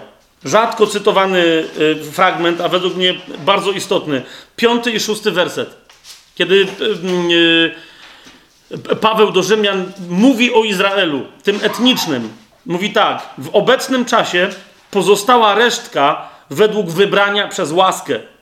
A jeżeli przez łaskę, to już nie z uczynków, inaczej łaska nie byłaby łaską. Jeżeli zaś z uczynków, to już nie ma łaski, inaczej uczynek nie byłby uczynkiem. Więc mówi albo jedno, albo drugie. Nie da się połączyć, gdy chodzi o usprawiedliwienie łaski z uczynkami. Albo jedno, albo drugie. I mówi, ta resztka, która doświadczyła usprawiedliwienia, doświadczyła go z łaski, a nie z uczynków. List do Galacjan, drugi rozdział. Szesnasty werset. No tutaj w jednym zdaniu Paweł tworzy wręcz taką e, rabiniczną, e, takie rabiniczne zdanie, żeby z żadnej strony żaden znawca prawa i mądrości e, e, i egzegezy biblijnej, judaistycznej, żeby go nie podszedł. Tak? To jest list do Galacjan, drugi rozdział, szesnasty werset. Wiemy, że człowiek nie jest usprawiedliwiony z uczynków prawa, ale przez wiarę w Jezusa Chrystusa. Wiedząc o tym, i my uwierzyliśmy w Jezusa Chrystusa, abyśmy byli usprawiedliwieni z wiary Chrystusa, a nie z uczynków prawa, dlatego że z uczynków prawa nie będzie usprawiedliwione żadne ciało. Trzy razy powtarza w jednym zdaniu. Na różne sposoby tę samą prawdę, żeby nie było żadnej wątpliwości. W liście do Filipian w trzecim y, rozdziale, w osobistym, y, w osobistym wyznaniu, to jest trzeci rozdział, y, dziewiąty werset. W osobistym wyznaniu Paweł mówi, że wszystko uznał za gnój, aby tylko zyskać Chrystusa i znaleźć się w Nim, nie mając własnej sprawiedliwości, tej, która jest sprawa, ale te mając, która jest przez wiarę Chrystusa, to jest sprawiedliwość z Boga przez wiarę. Nie te, która wynika z prawa, a więc nie wynikającą z, jakichkol- nie wynikającą z jakichkolwiek uczynków. Ale teraz, kochani, jak już to mamy powiedziane, pytanie brzmi, czy Paweł w tej swojej doktrynie zgadza się z Jakubem? A więc czy oni obydwaj są natchnieni tak samo przez Ducha Świętego? Otóż jest parę miejsc u Pawła, bo jak się czyta list do Rzymian, i do tego was zachęcam, żeby go czytając zobaczyć, bo chodzi o to, że tam Paweł e, nie jest taki lakoniczny jak Jakub w swoim liście, tak? tylko rozwija i rozdrabnia i szczegółowo opisuje poszczególne elementy. Ale w innych miejscach Paweł jest lakoniczny i wtedy mówi dokładnie to samo co Jakub. Zobaczcie dla przykładu yy, list do Efezjan. Drugi rozdział. Ósmy, dziewiąty i dziesiąty werset. Właśnie o to chodzi. Tak? To jest dokładnie to samo, o czym mówił Jakub. Człowiek nie usprawiedliwia się z samej wiary, ale ta wiara współdziała z uczynkami. Zobaczcie, co tam y, Paweł na jednym wydechu mówi. Łaską bowiem, to jest Efezjan 2, 8, 10. Łaską bowiem jesteście zbawieni przez wiarę i to nie jest z was, to jest dar Boży. Pierwsza rzecz, nie ma w was żadnego źródła tego usprawiedliwienia. Nie z uczynków, żeby się nikt nie chlubił. Tak? To jest druga rzecz. Nie, nic wy nie uczyniliście. Zaczęło się od wiary w sercu. Ale teraz ta wiara, co spowodowała w nas? Że jesteśmy nowym stworzeniem. I teraz zobacz dziesiąty werset. Paweł mówi: Jesteśmy bowiem Jego dziełem, stworzeni w Chrystusie Jezusie do dobrych uczynków, które Bóg wcześniej przygotował, abyśmy w nich postępowali. Nowe narodzenie skutkuje drogą życia dobrymi uczynkami, ale nie naznaczonymi przez prawidła, nie naznaczonymi przez prawa, tak? Bo Paweł nie mówi, że to muszą być dobre uczynki, które, bo wtedy łatwo znowu zrobić jakąś chrześcijańską religię, tak? Ale mówi, to muszą być uczynki, które ty rozpoznajesz, że w twoim życiu są zgodne z wolą Bożą. Amen? Zobaczmy y, list do Tytusa, bo y, y, żeby pominąć wiele innych, szkoda, ale no, musimy pominąć wiele innych fragmentów, bo tu mamy jeszcze trochę do, do powiedzenia, w którym to liście w drugim rozdziale od 11 do 14 wersetu skrótowo, znowu Paweł, nie Jan, definiuje, jak on widzi chrześcijaństwo, okay? jak on widzi Kościół. Zobaczcie, Objawiła się bowiem łaska Boga, niosąca zbawienie wszystkim ludziom. A więc mamy łaskę, która przynosi zbawienie. Objawiła się bowiem łaska Boga, niosąca zbawienie wszystkim ludziom, pouczająca nas, abyśmy wyrzekłszy się bezbożności i światowych porządliwości, trzeźwo, sprawiedliwie i pobożnie żyli na tym świecie oczekując błogosławionej nadziei i chwalebnego objawienia się wielkiego Boga i Zbawiciela naszego Jezusa Chrystusa. teraz spójrzcie na to 14 werset. Który wydał samego siebie za nas, aby nas wykupić od wszelkiej nieprawości, to jest jedna rzecz. I druga, i oczyścić sobie lud na własność, gorliwy w spełnianiu dobrych uczynków. Jak ma świat rozpoznać chrześcijanina? Jak ma świat rozpoznać Kościół? Jak ma świat rozpoznać ciało Chrystusa, żyjące tu na ziemi i reprezentujące swoją głowę? Po tym, że spotyka się z grupą ludzi gorliwych w pełnieniu dobrych uczynków. To jest to, po czym. Rozumiecie? Wszędzie, ja, Jezus od tego zaczął. Mówi, po tym was poznają. Wy siebie po tym macie rozpoznawać. Po miłości wzajemnej. Gorliwość w pełnieniu dobrych uczynków. To jest także gorliwość w pełnieniu woli Bożej. Bo tu nie chodzi o każdy czyn, który wygląda na dobry. Jak, jak nas Paweł w liście do Efezjan pouczył, ale chodzi o te czyny, które Bóg z dawien dawna zamierzył, abyśmy w nich postępowali. Okay? Niemniej w tym samym liście do Tytusa mamy jeszcze kolejne. Yy, yy, znaczy w, w ogóle, rozumiecie, ta definicja Kościoła i chrześcijaństwa w, jest uzasadnieniem dla Tytusa do wezwania, które Paweł mu wcześniej wrzucił w tym drugim rozdziale, w siódmym wersecie. Mianowicie, zwróćcie uwagę, we wszystkim stawiaj samego siebie za wzór. Czego? Dobrych uczynków. We wszystkim stawiaj samego siebie, innym ludziom, tak? Bo on do niego mówi jako do odpowiedzialnego za wyznaczanie starszych w kościele i tak dalej. I on mówi: We wszystkim stawiaj samego siebie za wzór czego? Dobrych uczynków. Nie rzetelności Twojej doktryny. On mówi: Oczywiście, musisz znać Biblię, musisz wiedzieć, jaka jest prawda, ale jak siebie będziesz pokazywać innym jako wzór, to to ma być wzór dobrych uczynków, a nie tego, co wiesz. Bo możesz wiele wiedzieć, możesz znać całą Biblię i być złym człowiekiem, nie nowonarodzonym. Pokazuj im, jak wygląda natura nowego stworzenia, nowonarodzonego człowieka. W trzecim rozdziale jeszcze tego samego listu, bo Tytusowi z jakiegoś powodu e, Paweł bardzo mo mocno to kładł e, na karb jego odpowiedzialności, to jest trzeci rozdział od czwartego do ósmego wersetu. Jeszcze raz mówi mu, jaka jest dynamika zbawienia w historii ludzkości. Zobaczcie, yy, trzeci rozdział, czwarty werset. Paweł mu pisze, gdy się objawiła dobroć i miłość Boga, naszego Zbawiciela względem ludzi, nie z uczynków sprawiedliwości, które my spełniliśmy, ale według swojego miłosierdzia zbawił nas przez obmycie odrodzenia i odnowienie Ducha Świętego, którego wylał na nas obficie przez Jezusa Chrystusa, naszego Zbawiciela. Jeszcze raz, zbawił nas przez uczynki sprawiedliwości, czy, czy poprzez swoje miłosierdzie? Absolutnie jednoznacznie poprzez swoje miłosierdzie. Ale patrzcie dalej, po co to zrobił? Siódmy werset i ósmy. Abyśmy usprawiedliwieni Jego łaską, po pierwsze, stali się dziedzicami zgodnie z nadzieją życia wiecznego, ale po drugie, Wiarygodne, wiarygodne to słowo i chcę, abyś o tym zapewniał, żeby ci, którzy tak uwierzyli Bogu, zabiegali o celowanie w dobrych uczynkach. Jest to dobre i pożyteczne dla ludzi.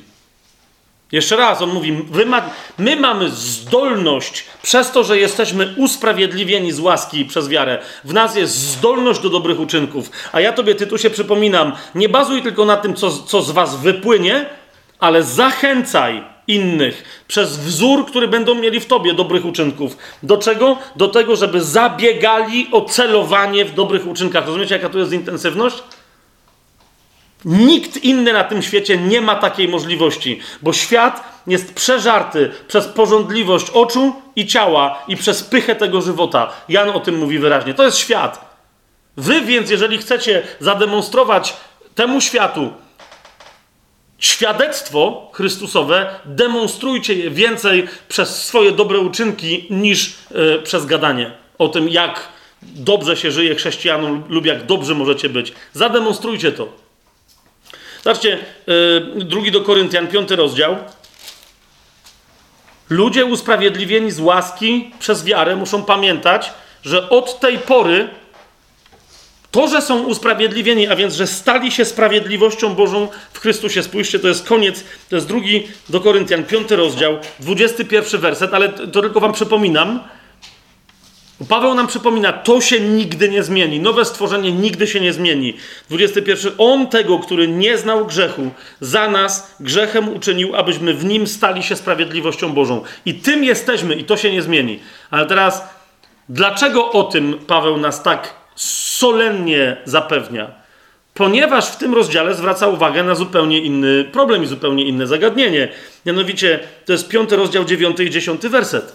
Mianowicie mówi, my, którzy właśnie jesteśmy tą sprawiedliwością Bożą, zabiegamy o to, żeby się Jemu podobać, czy mieszkamy w ciele, czy z Niego wychodzimy. Dlaczego? Wiedząc, wszyscy bowiem, to jest dziesiąty werset, wszyscy bowiem musimy stanąć przed Trybunałem Chrystusa, aby każdy otrzymał zapłato, zapłatę za to, co czynił w ciele, według tego, co czynił, czy dobro, czy zło. Widzicie, Paweł wraca do tej myśli, którą wyraził już na początku listu do Rzymian. On mówi, przez usprawiedliwienie z łaski, przez wiarę, stajesz się nowym stworzeniem, ale od tej pory rozpoczynasz swoją podróż dobrych uczynków, swoją podróż pełnienia woli Bożej.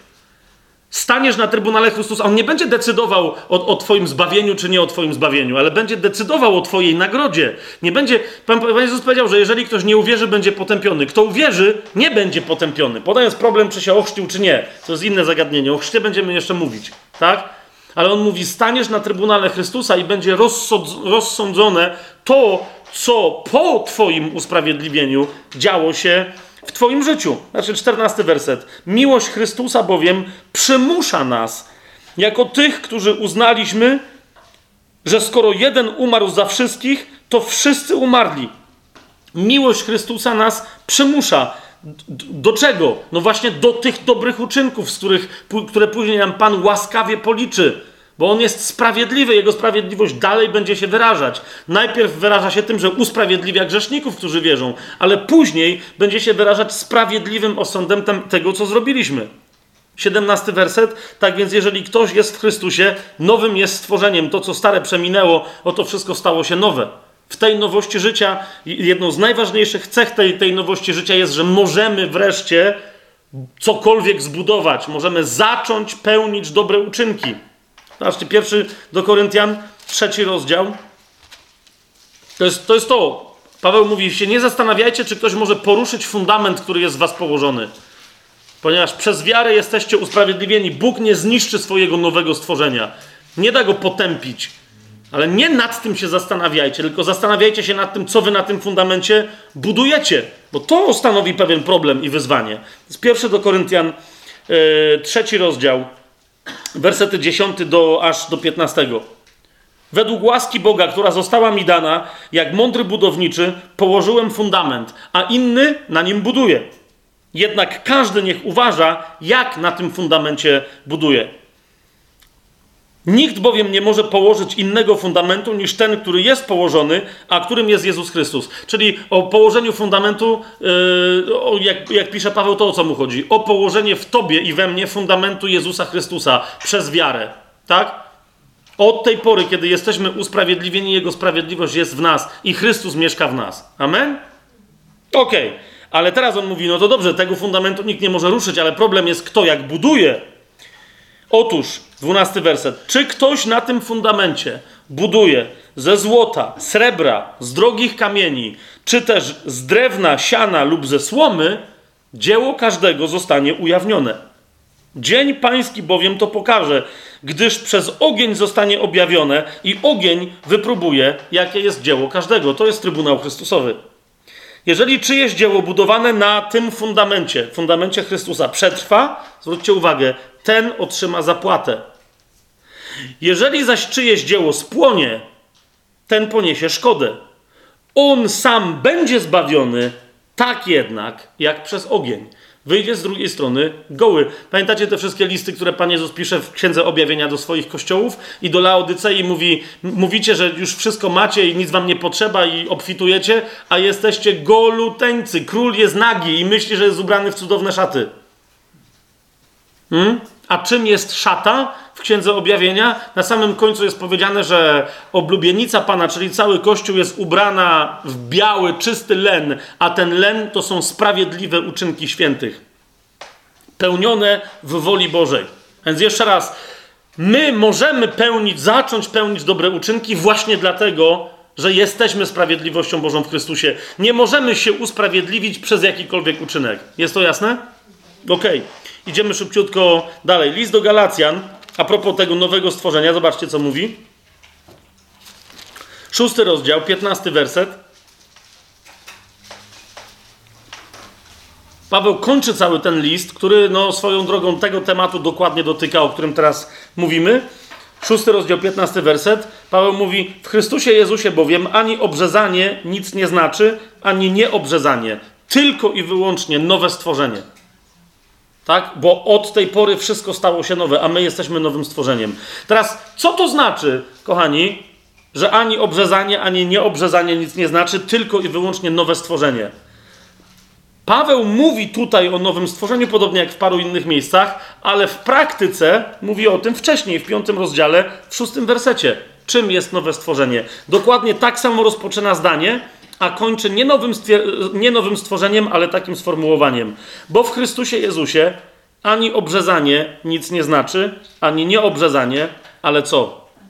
Wiara, która działa przez miłość. Wiara, która działa przez miłość. Wiara, która działa przez miłość. Jeszcze raz to powtórzę. Dokładnie to ma na myśli Jakub, który mówi: Wy, chrześcijanie, którzy mówicie, że macie wiarę, a nie jesteście w stanie jej pokazać ze swoich uczynków, czy naprawdę macie wiarę, czy też macie coś, co de facto jest martwe. Otwórzmy sobie y, jeszcze raz dla przypomnienia tenże list Jakuba, który cały czas rozważaliśmy, czy Jakub się sprzeciwia Pawłowi. I zobaczcie, co, co on pisze w drugim rozdziale, w 26 wersecie. Jak bowiem ciało bez ducha jest martwe. Jakie to ciało bez ducha jest martwe? To jest ciało człowieka, który jest niezbawiony, który nie otrzymał nowego ducha, nie ma nowego serca. Mówi, jak ciało bowiem bez ducha jest martwe, tak i wiara bez uczynków jest martwa. A więc on mówi, jak człowiek, nawet bardzo religijny, w swoim rozumieniu pobożny, nie ma ducha, bo nie narodził się na nowo, jest martwy, tak samo ktoś, kto twierdzi, że ma wiarę, a nie może jej pokazać ze swoich uczynków, jakich uczynków miłości, nie ma żadnej wiary. To jest to, o czym mówi Jakub. Wiara, nowe stworzenie polega na czym? Na tym, że wiara działa w nowym stworzeniu przez miłość. Czy to jest jasne? Jakub nie tylko w niczym nie sprzeciwia się Pawłowi, według mnie Jakub potwierdza całe nauczanie Pawła. Wielu zresztą egzegetów, e, komentatorów biblijnych e, twierdzi, że Jakub musiał czytać listy Pawła, podobnie jak Piotr. I że on się wprost e, w paru miejscach posługuje takim samym słownictwem jak Paweł. Jakby chciał do ludzi, którzy się nie zgadzają z Pawłem, a zgadzają z nim, powiedzieć: Ja się zgadzam z Pawłem. Wasza wiara musi, żeby być wiarą usprawiedliwiającą, udowodnić sama siebie przez uczynki. Jeżeli ich nie macie, to jesteście tylko doktrynerami. Zrobiliście z chrześcijaństwa filozofię, ideologię i politykujecie. A być może, że jesteście, tu po raz pierwszy posłużę się tym sformułowaniem, fałszywymi braćmi, którzy mieszają w prawdziwym ciele Chrystusa. Ale o tym za chwilę. W liście do Efezjan, zobaczcie, y, bo niektórzy powiadają, to y, jak kiedyś pamiętam, w jednym miejscu się posłużyłem tym cytatem z listu do Galacjan, ktoś tam potem powiedział, to jest tylko w liście do Galacjan. Nigdzie Paweł nie wiąże wiary z miłością. no też byłem zdumiony, tak? Też byłem zdumiony. Jak to? I ktoś tam mi powiedział wtedy dosłownie, tak? Mówi, no ja pamiętam, że, bo są bowiem trzy, wiara, nadzieja i miłość, a z nich najważniejsza jest miłość. Ale to nie o to chodzi w tym fragmencie. Okay. Otwórzmy sobie list do Efezjan, żeby tylko parę najoczywistszych fragmentów wskazać. List do, I to też nie wszystkie, bo nie mamy na to czasu. Trzeci rozdział, wersety 16 i 17.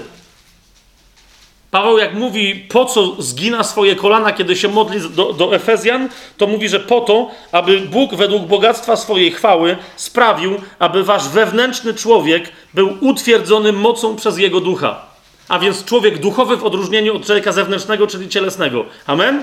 I teraz on mówi, co to znaczy? Aby Chrystus przez wiarę mieszkał w waszych sercach, abyście zakorzenieni i ugruntowani w czym? W miłości mogli pojąć wraz ze wszystkimi świętymi itd., itd., itd.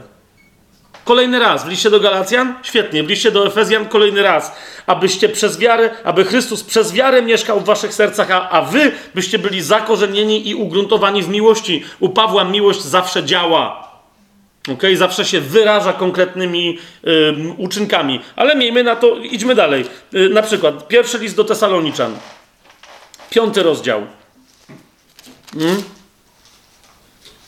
Ósmy i dziewiąty werset. Zobaczcie, jak Paweł ściśle wiąże ze sobą te dwie, y, y, y, te, te dwie działające w nas Boże moce wynikające z Jego łaski. To jest pierwszy do Tesaloniczan, 5 rozdział 8-9. My zaś, którzy należymy do dnia, bądźmy trzeźwi, przywdziawszy pancerz wiary i miłości oraz hełm nadziei zbawienia. Gdyż Bóg nie przeznaczył nas na gniew, ale abyśmy otrzymali zbawienie przez naszego Pana Jezusa Chrystusa. Widzicie to? Yy, swoją drogą, jak ktoś mówi, że opis zbroi Bożej znajduje się tylko w liście do Efezjan, no to pobudka, nie tylko w liście do Efezjan. Nie wszędzie jest taki pełny, ale zobaczcie, yy, yy, możecie sobie porównać, co Paweł z opisu zbroi Bożej w liście do Efezjan tutaj streszcza w sformułowaniu pancerz wiary i miłości. Jakie rzeczywistości tam tutaj nazywa po prostu rzeczywistościami wiary i miłości. Eee, do tego stopnia u Pawła, bo, bo, teraz nie chce mi się, wiecie, przechodzić przez te, już żeśmy się po, powoływali na te fragmenty, gdzie on mówi, że mamy celować e, w dobrych uczynkach. Okay? Że to jest wynik tego, że jesteśmy usprawiedliwieni. Jesteśmy po to nowym stworzeniem, aby chodzić w dobrych uczynkach. Ale zobaczcie, nawet jak Paweł pozdrawia chrześcijan gdziekolwiek, czy to całe kościoły, czy pojedynczych ludzi, cały czas wiąże ich wiarę z miłością. Mówi, wiem, że macie wiarę. Skąd? Bo kochacie innych świętych. Po czym poznaje, że macie wiarę? Po waszej miłości. Zobaczcie na przykład list do Efezjan, że, że, że, że tam wrócimy. Pierwszy rozdział yy, listu do Efezjan, piętnasty werset. Dlatego i ja, gdy usłyszałem o waszej wierze w Pana Jezusa i o miłości względem wszystkich świętych, nie przestaję za was dziękować. Usłyszałem o waszej wierze w Pana Jezusa i o waszej miłości względem wszystkich świętych. Jedno z drugim musi iść w parze. Wiara i uczynki. Paweł jest absolutnie zgodny z Jakubem, a Jakub tym, którzy się nie zgadzają z Pawłem, którzy myślą, że Paweł naucza tylko i wyłącznie łaski, bez uczynków, przypomina, że, że się zgadza z Pawłem.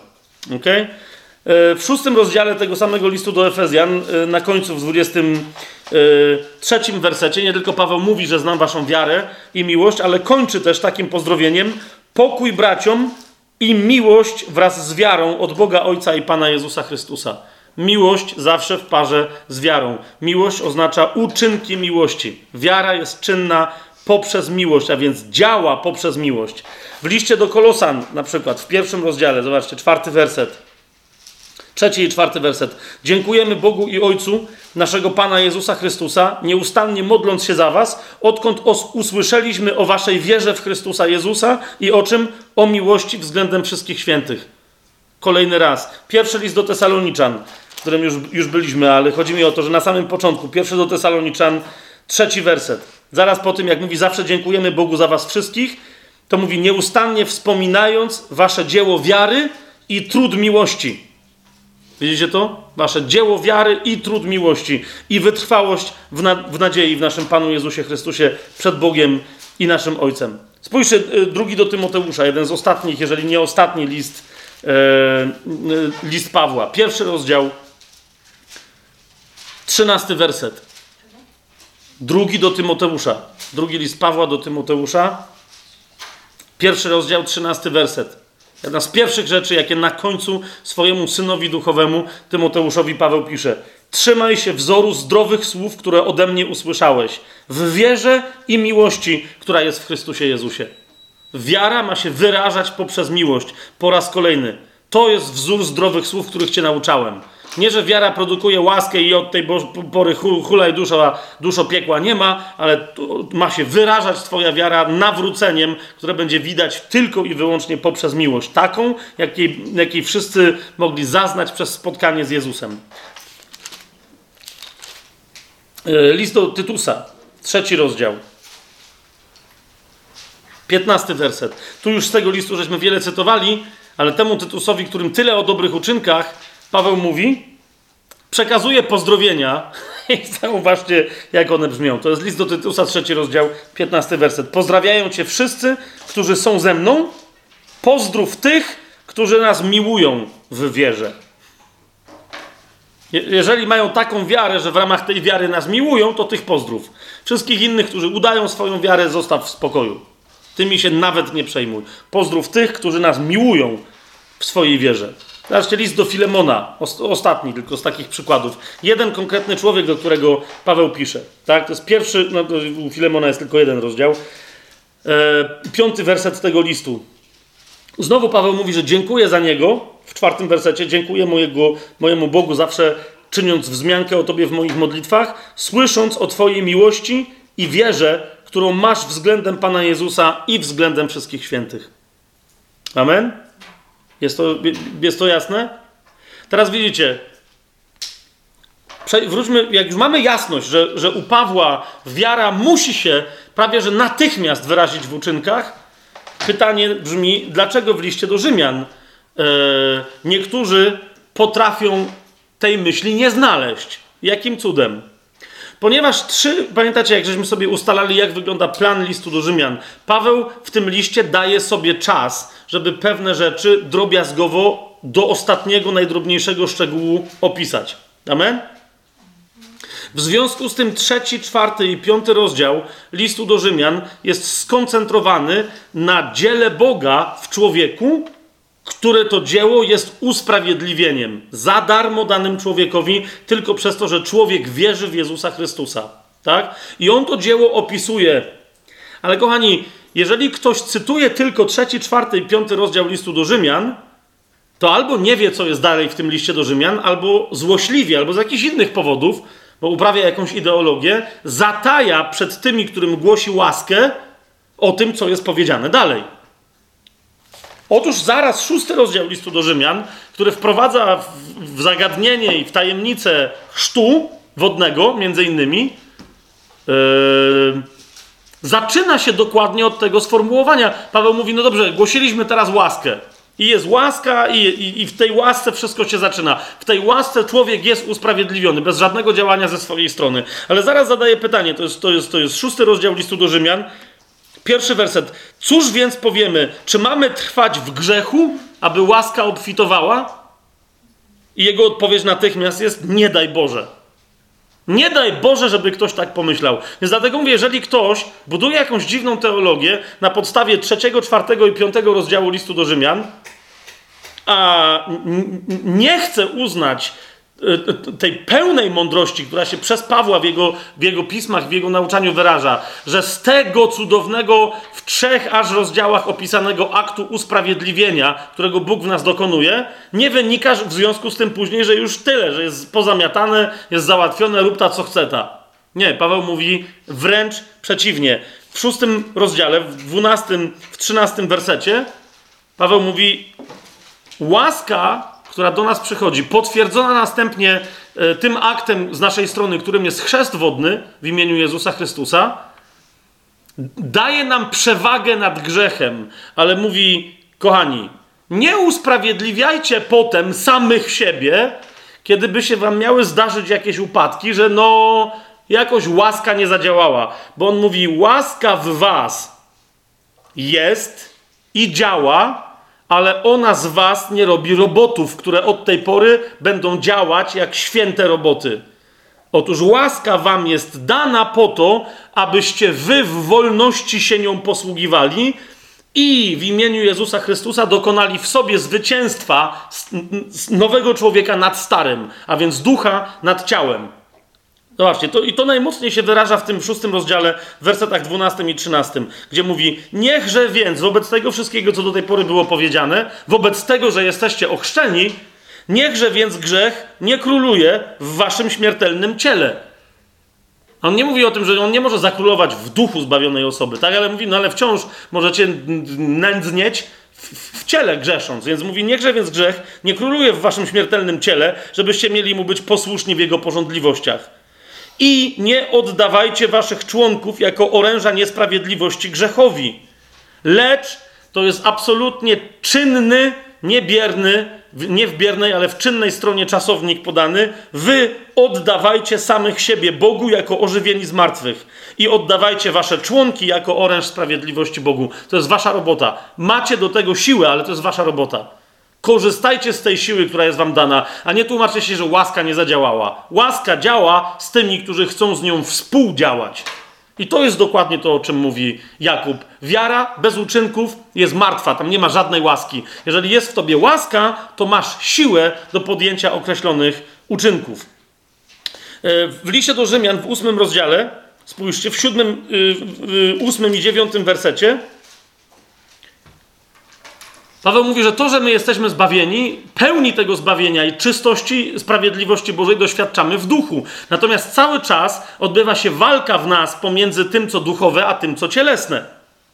I teraz to jest ósmy rozdział listu do Rzymian, siódmy do dziewiątego wersetu. Dlaczego tak jest? On mówi, dlatego, że zamysł ciała jest nieprzyjacielem Boga. Pamiętacie, jak, jak yy, Jakub mówi, że kto jest przyjacielem Boga? Mówi Abraham, który pozwolił swoją wiarę wystawić na próbę i przeszedł przez tę próbę zwycięsko.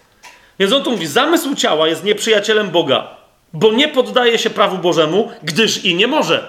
Dlatego my w tych ciałach musimy umrzeć, one muszą strzeznąć, a dostaniemy nowe ciała. Na tym polega nasza nadzieja na zmartwychwstanie w ciele, tak? Więc mówi, zamysł ciała jest nieprzyjacielem Boga, bo nie poddaje się prawu Bożemu, gdyż i nie może.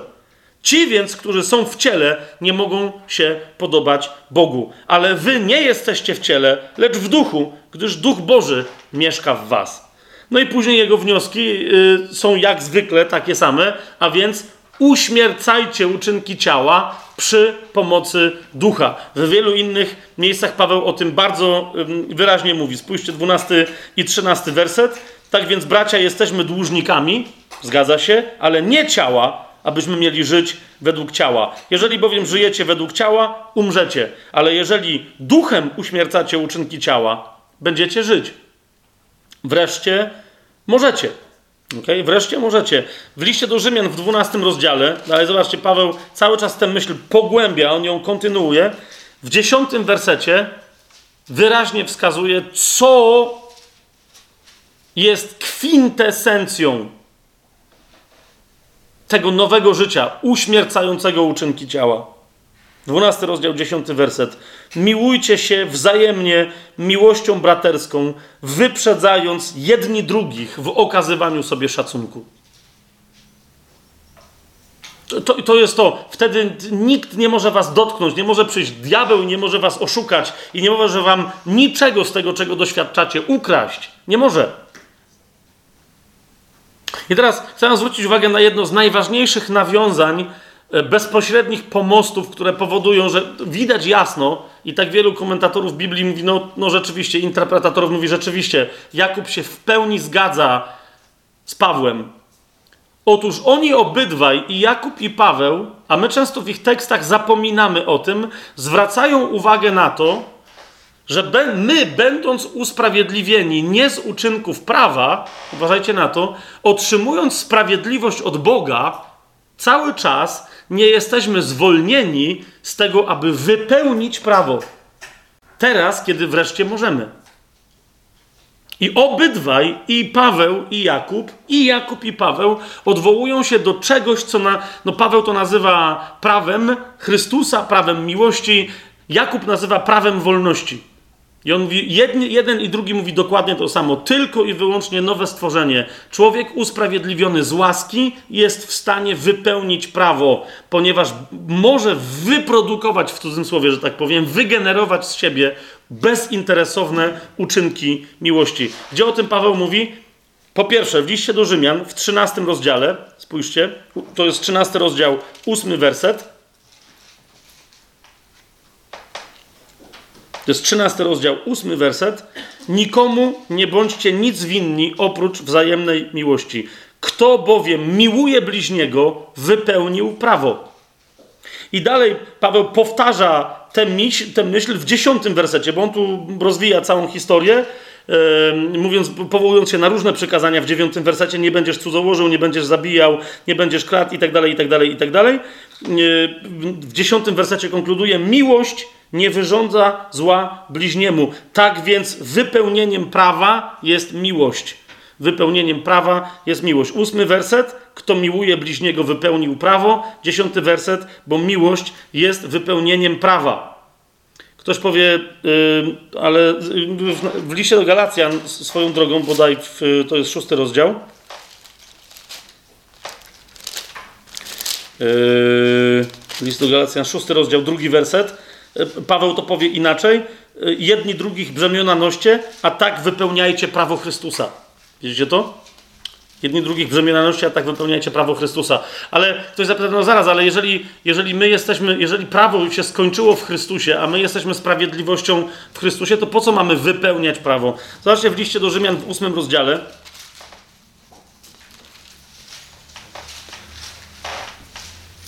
Paweł o tym bardzo wyraźnie mówi. Trzeci i czwarty werset o tym bardzo wyraźnie mówią prawo ducha życia, które jest w Chrystusie Jezusie. Yy, dobra, to już to też, ale trzeci i czwarty werset. Co bowiem było niemożliwe dla prawa, w czym było ono słabe z powodu ciała. Właśnie to, bo ciało podlega prawo, pod prawo grzechu i śmierci i tego się nie da zmienić, tak?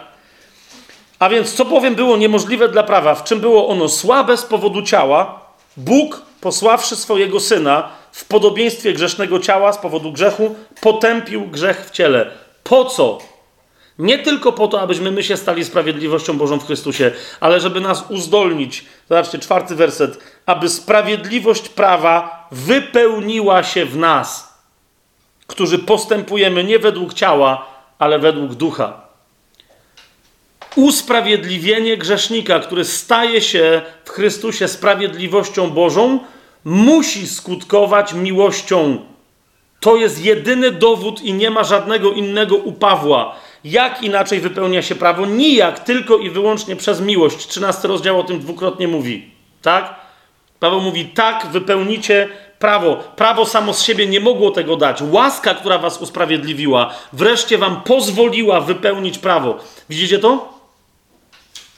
Wszyscy odjechali.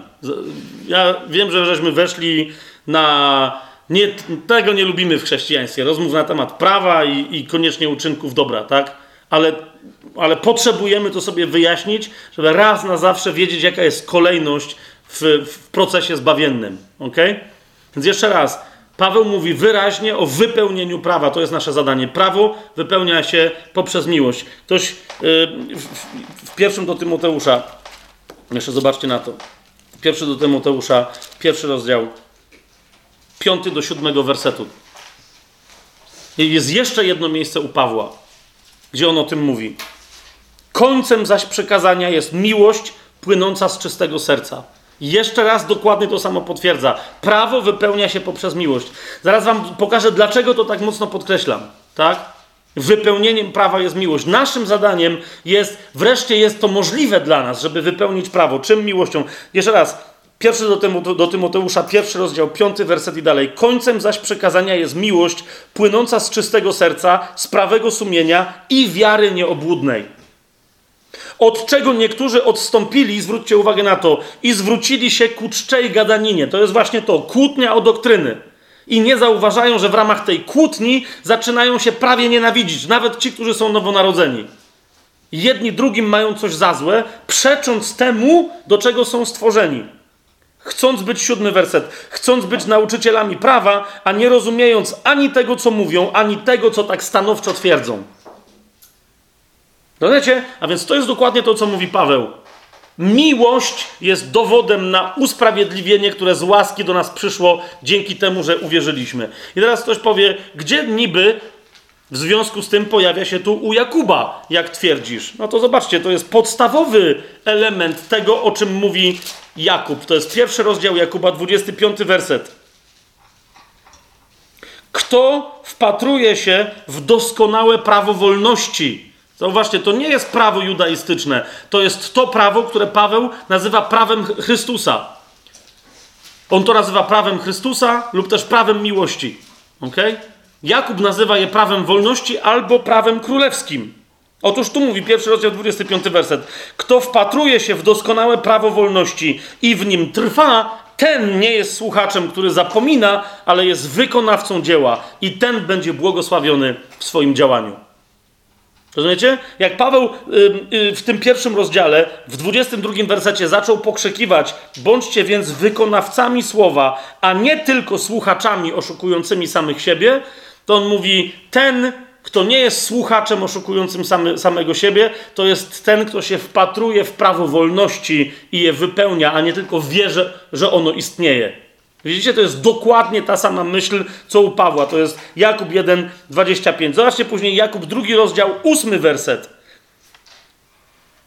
Jeżeli wypełniacie królewskie prawo zgodnie z pismem, będziesz miłował swojego bliźniego, jak samego siebie dobrze czynicie. Miłość jest wypełnieniem, to jest królewskie prawo, królewskiego prawa. Ok? I jeszcze raz, Jakub, drugi rozdział, dwunasty werset. Tak mówcie i tak czyńcie, jak ci, którzy mają być sądzeni przez prawo wolności. Nie przez to prawo, które ma uznać, jak bardzo jesteś osobą potępioną, bo jesteś osobą usprawiedliwioną, ale to wprowadza cię w zagadnienie odpowiedzialności. Wolność daje ci wreszcie możliwość bezinteresownego kochania. Widzicie, to jest bezpośredni pomost dla tych, którzy jeszcze mieliby wątpliwość pomiędzy Jakubem a Pawłem. Jakub w jednych, w dwóch rozdziałach trzykrotnie powołuje się na e, to, że wypełnieniem prawa jest miłość, a miłość jest możliwa tylko dla tego, kto jest usprawiedliwiony z łaski przez wiarę. Amen? Na sam koniec otwórzmy sobie jeszcze parę wersetów. Po pierwsze, pierwszy Piotra.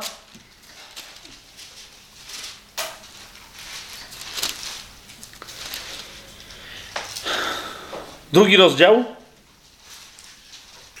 15 i 16 werset. Ten, kto wierzy, jest w stanie znieść wiele cierpienia, nadal czyniąc dobrze, właśnie dlatego, że ma w sobie nową naturę. Pierwszy Piotra, drugi rozdział, 15-16 werset, werset. Taka bowiem jest wola Boga, abyście dobrze czyniąc zamknęli usta niewiedzy ludzi głupich. Jak ludzie wolni, a nie jak ci, którzy używając wolności jako zasłony da, dla zła, ale jak słudzy Boga. Wiecie o co idzie? Jakub mówi: Jeżeli mówicie, że jesteście wolni, to wolność wyraża się w miłości, w cierpliwym znoszeniu prześladowania, przynosi owoce, takie jak w życiu Chrystusa. A jeżeli tylko wiarę macie na ustach i twierdzicie, jak wielce ta wiara wam przynosi wolność, a de facto zasłaniacie się tą wolnością po to, żeby dalej żyć w sposób cielesny, to kwestionuje waszą wiarę. Tak mówi Piotr, tak mówi Jakub i dokładnie tak samo mówi Paweł. Dokładnie tak samo mówi Paweł. Posługują się nieco innymi słowami. Jakub się posługuje ostrzejszym sformułowaniem, ale nie po to, żeby kwestionować Pawła, tylko, tylko żeby potwierdzić to, co z nauczania Pawła o usprawiedliwieniu. Yy, wynika. Więc Piotr mówi: uważajcie, co kto mówi o wolności. Ok? Taka bowiem jest wola Boga, abyście dobrze czyniąc zamknęli usta niewiedzy ludzi głupich, a nie żebyście gadali o wolności, a de facto źle czynili i grzeszyli. I zobaczcie, i zobaczcie Pawła e, w, w tym kontekście. W liście do Galacjan, jeszcze raz tam wróćmy, w piątym yy, rozdziale, trzynasty 14 i 15 werset. On tam, do, zobaczcie, to jest dokładnie, jak, bo ktoś powie, no ale Jakub mówił o prawie wolności. W tym samym liście, w którym o prawie Chrystusa yy, mówi Paweł, zobaczcie, jak prawie, że Jakubowymi słowami, słowami się wyraża. To jest piąty rozdział listu do, do Galacjan 13-15. Bo wy, bracia, zostaliście powołani do wolności tylko pod pozorem tej wolności nie pobłażajcie ciału, ale z miłości służcie jedni drugim. Rozumiecie, jak się wiążą te tematy, po prostu to jest tak, tak drażliwy temat przez tych, którzy chcą mieszać w chrześcijaństwie, że, że właśnie oni to potem rozdrabniają, rozszerzają, to się z tamtym nie wiąże. To jest jedno. 14 i 15 werset. Całe bowiem prawo jest jeszcze jeden moment u Pawła. Całe bowiem prawo wypełnia się w tym jednym słowie, mianowicie będziesz miłował swojego bliźniego jak samego siebie. I piętnasty werset, ale jeżeli wzajemnie się kąsacie i pożeracie, to uwa- uważajcie, żebyście wzajem się nie zjedli. Jeszcze raz, wolność, zawsze wolność wyraża się nie tym, że ktoś może hołdować ciału. No jak wielu krzyczy, jestem zbawiony i teraz mogę robić co, cokolwiek teraz nie zrobię, a super, nie ma żadnych konsekwencji. Są. Jest mnóstwo konsekwencji. Ale jeszcze raz pytanie brzmi, czy aby na pewno jesteś zbawiony, jak tak pokrzykujesz? Zostaliście powołani do wolności, Galacjan 5:13, tylko pod pozorem tej wolności nie pobłażajcie ciału, ale z miłości służcie jedni drugim. Wiara działa przez miłość. Wiara bez uczynków miłości, powie Jakub, jest martwa. W tym samym liście do Galacjan, bo wiecie, Paweł tu pokrzykuje, bo ma jeden konkretny problem. To jest drugi rozdział, e, wersety 3 do 5. No właśnie. To jest moja jeszcze trzecia teza a propos listu Jakubowego. Według mnie Jakub napisał swój list do dwunastu pokoleń po to, aby skonfrontować nie tylko, czy, czy ludzie żyją zgodnie ze swoją wiarą, lub też, żeby rzucić wyzwanie tym, którzy myślą, że wierzą, a tak naprawdę wcale nie uwierzyli. Ale po trzecie, żeby w ramach tych konfrontacji ujawnić również fałszywych braci. Nie poprzez doktrynę, ale poprzez to, do jakich owoców zachęcają. Zobaczcie, Paweł mm, do, do Galacjan mówi, że wolność ma się wyrazić miłością, w ramach której, której jedni drugim służymy. A zobaczcie, co mówi, że robią fałszywi bracia. To jest drugi rozdział listu do Galacjan 3 do 5. Mówi, nawet Tytusa, który był ze mną, nie zmuszono do obrzezania, mimo że był Grekiem. Ale dlaczego się w ogóle tam takie zmuszania działy? wśród chrześcijan. Mówi, a to z powodu wprowadzonych fałszywych braci, którzy się wkradli, aby wyszpiegować naszą wolność, jaką mamy w Chrystusie Jezusie, aby nas zniewolić. Nie ustąpiliśmy im ani na chwilę i nie poddaliśmy się, aby pozostała wśród nas prawda Ewangelii. O czym mówi Paweł? Kiedy przyjdą fałszywi bracia, przyjdą, muszą przyjść, bo diabeł się nimi posługuje, nie szukajcie ich przez doktrynerstwo, nie doktrynerstwo, ale przez to, jak, jaką kto akurat na danym etapie wyznaje teologię, co wie z Biblii, a czego jeszcze nie wie. Ale zobacz, również nawet nie przez słabość pewnych praktyk, ale zobacz, czego taki ktoś uczy innych i do czego innych prowadzi. Jeżeli kwestionuje możliwość życia w miłości, albo mówi, że miłość wyraża się w uczynkach religijnych, jakiekolwiek by one były, począwszy od obrzezania w tamtym klimacie, przez wszystkie inne rzeczy i łączy te uczynki z doświadczeniem łaski, miej mocne podejrzenie, mówi Paweł, bo to jest ktoś, kto co najwyżej próbuje wyszpiegować Twoją wolność i wyprowadzić Cię z tej wolności w stronę niewoli. Ponieważ dlaczego tak jest, co jest niewolą? To jest wyprowadzenie człowieka, który mógłby kochać w stronę wydatkowania swojej energii na uczynki, które nikogo nie kochają, ale zabierają cenny czas i cenne zasoby na wykonywanie rzeczy, które są zupełnie niepotrzebne. Pomyśl o dowolnym w tym momencie uczynku religijnym o dowolnym w tym momencie uczynku religijnym. Ktoś, co o tych wszystkich uczynkach, które Biblia wyraźnie wskazuje jako uczynki religijne. O, od razu wam powiem o, o, o paru obszarach. Ktokolwiek, ktokolwiek uważa, że musi się zajmować problemem kobiet, ponieważ kobiety w kościele stanowią dla niego problem. I im coś każe robić w odróżnieniu od mężczyzn. Ktokolwiek ma taki problem, zamiast kochać i postępować w miłości i, i swoim, na, na, swoim przykładzie dawać wzór dobrych uczynków, zajmuje swój umysł i umysły innych ludzi czymś, co nie ma niczego wspólnego z miłością. To jest religia.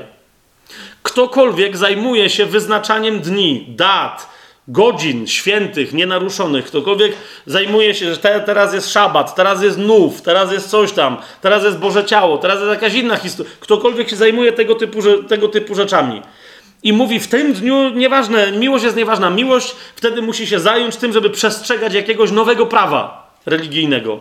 I to jest ważniejsze od tego, żeby kochać. To jest, to jest kolejny przykład, tak? Trzeci przykład. Ktokolwiek zajmuje się dietą jakiegokolwiek rodzaju. Paweł mówi, są chrześcijanie, którzy przestrzegają jakichś tam zasad i mówi, dobra, trzeba, trzeba z, z nimi w łagodności postępować, ale nie mamy co udawać, że to jest właściwe podejście do rzeczy. Niech was nikt nie, nie śmie osądzać i wy się nie dajcie osądzać, a tym bardziej potępiać ze względu na jakieś pory, które czcicie albo nie, lub ze względu na to, co jecie lub że czegoś nie jecie. Mówi, dlatego kto jest czysty, wszystko jest czyste. Koryntianom to przypomina. Dlatego kto jest czysty, wszystko jest czyste. Oczywiście z tego powodu się nie popisujcie i, i uważajcie, czy czasem czyjejś słabszej wiary tak, nie sprowadzicie do grzechu w sumieniu tego kogoś. Mówi, to jest inna rzecz. Ale, ale co do pokarmów, miejcie jasność, jak się znowu ktoś na tym koncentruje i teraz zamiast miłować, rozumiecie, będzie kogoś walił po głowie, bo nie wiem, je kaszankę, albo nie je, bo je wieprzowinę, albo nie je, bo je krew, albo, no rozumiecie, niektórzy w ramach tego, niektórzy pozostają tylko przy niejedzeniu kaszanki, ale są tacy chrześcijanie, którzy tak się zapętlają i to są chrześcijanie w tym problemie, czy jeść krew, czy nie. Ja już pomijam, że w dziejach apostolskich, gdzie jest mowa o tym, żeby się powstrzymali od krwi, tam nie, nie ma mowy o tym, żeby się powstrzymali od jedzenia krwi. To jest dobre pytanie, niektórzy mówią, od czego oni tam się mieli dokładnie powstrzymać. Ale jeżeli chodzi o jedzenie krwi, no to wtedy jest pytanie, to może trzeba się powstrzymać od wszystkiego, co mogłoby mieć w sobie krew. W związku z tym macie takich chrześcijan, którzy przechodzą na wegetarianizm. Czy nawet na weganizm, bo się boją, żeby w ogóle nie dotknąć krwi, no bo, rozumiecie, no bo Bóg... I teraz zobaczcie, ile energii w swoim życiu zaczynają poświęcać na coś, i umysł swój koncentrować na czymś, co im nie pomaga w tym, żeby rosnąć w miłości. Jasne jest to, to, to, to co mówię? Jeszcze raz, to nie chodzi teraz o to, żeby ich na nich naskoczyć, bo już też takich widziałem, że Paweł naucza, że to jest nauka demonów. Dobra, uspokój się. Nauka demonów to jest jak ktoś tego uczy, a więc ograniczeń dietetycznych i jednocześnie mówi, żeby nie wstępować w związki małżeńskie. To jak to się ze sobą łączy, to Paweł poucza Tymoteusza, mówi, to już jest nauka demonów. Tak? To już jest nauka, to ewidentnie ale to dopiero te dwie rzeczy muszą się ze sobą, e, muszą się ze sobą e, e, połączyć. Więc, więc Paweł przestrzega przed fałszywymi braćmi. Oni mówi, do was też przyszli i próbują połączyć waszą wiarę opartą na łasce i wynikającą z niej miłość, próbują połączyć, zamieszać i skierować w inną stronę, żebyście się stali niewolnikami przepisów religijnych zamiast sługami, którzy służą sobie nawzajem w, w miłości. Ostatnie dwa cytaty. Jakuba jeszcze sobie raz otwórzmy. Czwarty rozdział, pierwszy werset. Spójrzcie, Jakubowi cały czas dokładnie o to, o, o to chodzi. Jakubowi dokładnie cały czas o to chodzi. O, o, o, właśnie o to, że, że wszyscy twierdzą, że mają wiarę, a potem się o nią kłócą. Podczas gdy ci, którzy, których wiarę widać z uczynków miłości, rozpoznają się natychmiast. Czwarty rozdział, pierwszy werset, jego pytanie jest proste do, do tych wszystkich chrześcijan judaizujących. Skąd wojny i walki wśród was? Czy nie z waszych rząd, które toczą bój w waszych członkach? To jest dokładnie to, co Paweł do Koryntian mówi. Kłócicie się między sobą, bo jesteście jeszcze dziećmi i jesteście cieleśni. W duchu jesteście dziećmi, a cały czas jesteście cieleśni, dlatego się kłócicie. I w 11, w 12 wersecie przypomina im, jak chcecie zacząć wiarę swoją przemieniać i sprawdzać, czy jest zdolna do dobrych uczynków, to najpierw Jakub mówi, zróbcie jedną rzecz. Czwarty rozdział, 11, 12 werset. Nie obmawiajcie jedni drugich, bracia. Kto obmawia brata i osądza brata, obmawia prawo i osądza prawo. Jeżeli zaś osądzasz prawo, nie jesteś wykonawcą prawa, ale sędzią. No wręcz powiedziałbym prawodawcą, jeżeli możesz ustalić, osądzając prawo, że jest dobre czy złe. No i tu, jak przypomina, jeden jest prawodawca, który ma moc zbawić i zatracić. A ty kim jesteś, że osądzasz drugiego? Uczynki miłości. I, zupełnie ostatni cytat to jest list do Tytusa. Tylko sobie razem ze mną otworzycie. To jest list do Tytusa. Jeszcze raz Paweł wraca i, i, i, wskazuje Tytusowi na ten problem, którym są fałszywi bracia. Niektórzy z tych fałszywych braci są świadomie fałszywi, znaczy z różnych powodów, e, o których w innych miejscach Paweł mówi, z powodu korzyści i tak dalej, udają e, chrześcijan. Jeszcze inni myślą, że są chrześcijanami, bo nie chcą skonfrontować swojego sposobu życia. I mówią: Ja jestem chrześcijaninem, bo mam właściwą doktrynę. Otóż Tytusowi tak e, Paweł pisze, to jest pierwszy rozdział, dziesiąty werset, i będziemy czytać aż do szesnastego. Ok, to jest ostatni taki duży cytat, i na tym dzisiaj skończymy. Otóż Paweł mu mówi tak: Jest bowiem wielu niekarnych, oddających się czczej gadaninie i zwodzicieli, zwłaszcza wśród obrzezanych. Wiecie, to jest dokładnie ta sama grupa, wskazuje Paweł na tę samą grupę, e, do której de facto zwraca się Jakub. Mówi, to nie są tylko ci, ale wszyscy ludzie judaizujący, albo tacy, którzy mają religijne na wzór judaizmu pomysły w, w, w, w łonie chrześcijaństwa. Mówi, to jest właśnie to, to są ci, albo są zwodzicielami, albo po prostu niechcący zwodzą ludzi, a oddają się czczej gadaninie. I teraz mówi, im trzeba zamknąć usta, gdyż całe domy wywracają, nauczając, czego nie należy, zwróćcie uwagę, dla brudnego zysku. To jest jedna z rzeczy, którą można rozpoznać wszędzie tam, gdzie działa religia. To jest, to jest zawsze dbałość o to, żeby mieć zysk. To, są między innymi te kłótnie, że ktoś komuś wziął ludzi. Wiecie, że ktoś przeszedł z jednego zboru do drugiego, że ktoś coś tam zrobił. Na szczęście no, w tych kościołach y, naszych większość ludzi znikąd nie przyszła z żadnych innych zborów, tylko, tylko są nawróceni kompletnie z niewiary trochę rozumiem te dyskusje pomiędzy zborami, że tam ktoś komuś mówi, dobra, ktoś ode mnie do ciebie poszedł, jeden pastor mówi drugiemu, ktoś ode mnie do ciebie poszedł, mógłbyś powiedzieć, o co chodzi, ustalmy, może doszło do nieporozumienia, ale jest wiele miejsc, gdzie ludzie nie prowadzą żadnej dyskusji na ten temat, tylko zarzucają sobie nawzajem, opluwają się, wiecie, wyzywają od, od, od najgorszych, właśnie od zwodzicieli, od fałszywych proroków i nie wiadomo czego, bo mówią, ten ktoś wziął mi ludzi. To nie są twoi ludzie. Jeżeli są w jednym ciele Chrystusa, może dobrze im było gdzieś i to było zgodne z wolą Bożą, żeby byli w jednym kościele przez 5 lat, a potem może będzie zgodne z wolą Bożą, żeby przez innych 10 lat byli gdzie indziej, w innej społeczności. Nikt ci ich nie wziął. Chyba, że to są owieczki, które doisz. A więc spodziewasz się nie tyle, żeby one były wierne Słowu Bożemu, ale spodziewasz się po nich zysku. No to wtedy jest pytanie, co robisz? I czy czasem od, nie oddajesz się czczej gadaninie, albo wprost, czy nie jesteś zwodzicielem. Rozumiecie, o co, o, o co idzie? Jeden z nich, dalej kontynuuje Paweł, ich własny prorok powiedział: Kreteńczycy to zawsze kłamcy, złe bestie, brzuchy leniwe. Świadectwo jest prawdziwe. To jest. No dobra, nie teraz w to wchodzi, będziemy w liście do Tytusa, to więcej o tym powiemy. Świadectwo jest prawdziwe. Dlatego karci ich surowo, mówi Tytusowi. Dlatego karci ich surowo, aby byli zdrowi w wierze. No właśnie to jest to. Nie oddawali się czczej gadaninie, ale żeby ta wiara wyrażała się w dobrych uczynkach, aby byli zdrowi w wierze i nie zajmowali się żydowskimi baśniami, uważajcie, to jest jedna rzecz, i druga, i przykazaniami ludzi odwracających się od prawdy. Widzicie o co mi chodzi?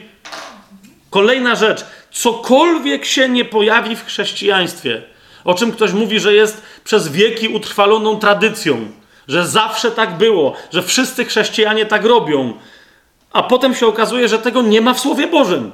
Nigdzie ani Pan Jezus niczego takiego nie nakazał, ani niczym Słowo Boże nie wskazuje, żeby taką praktykę uprawiać w ciele chrześcijaństwa. No to, to jest pytanie, czy nie są to przykazania ludzi odwracających się od prawdy? Nawet jeżeli dzisiaj te przykazania zachowują ludzie, którzy nie odwracają się od prawdy, tylko pytanie brzmi, skąd pochodzą te przykazania, skoro, słowo, skoro nie ze Słowa Bożego? Rozumiecie o co idzie?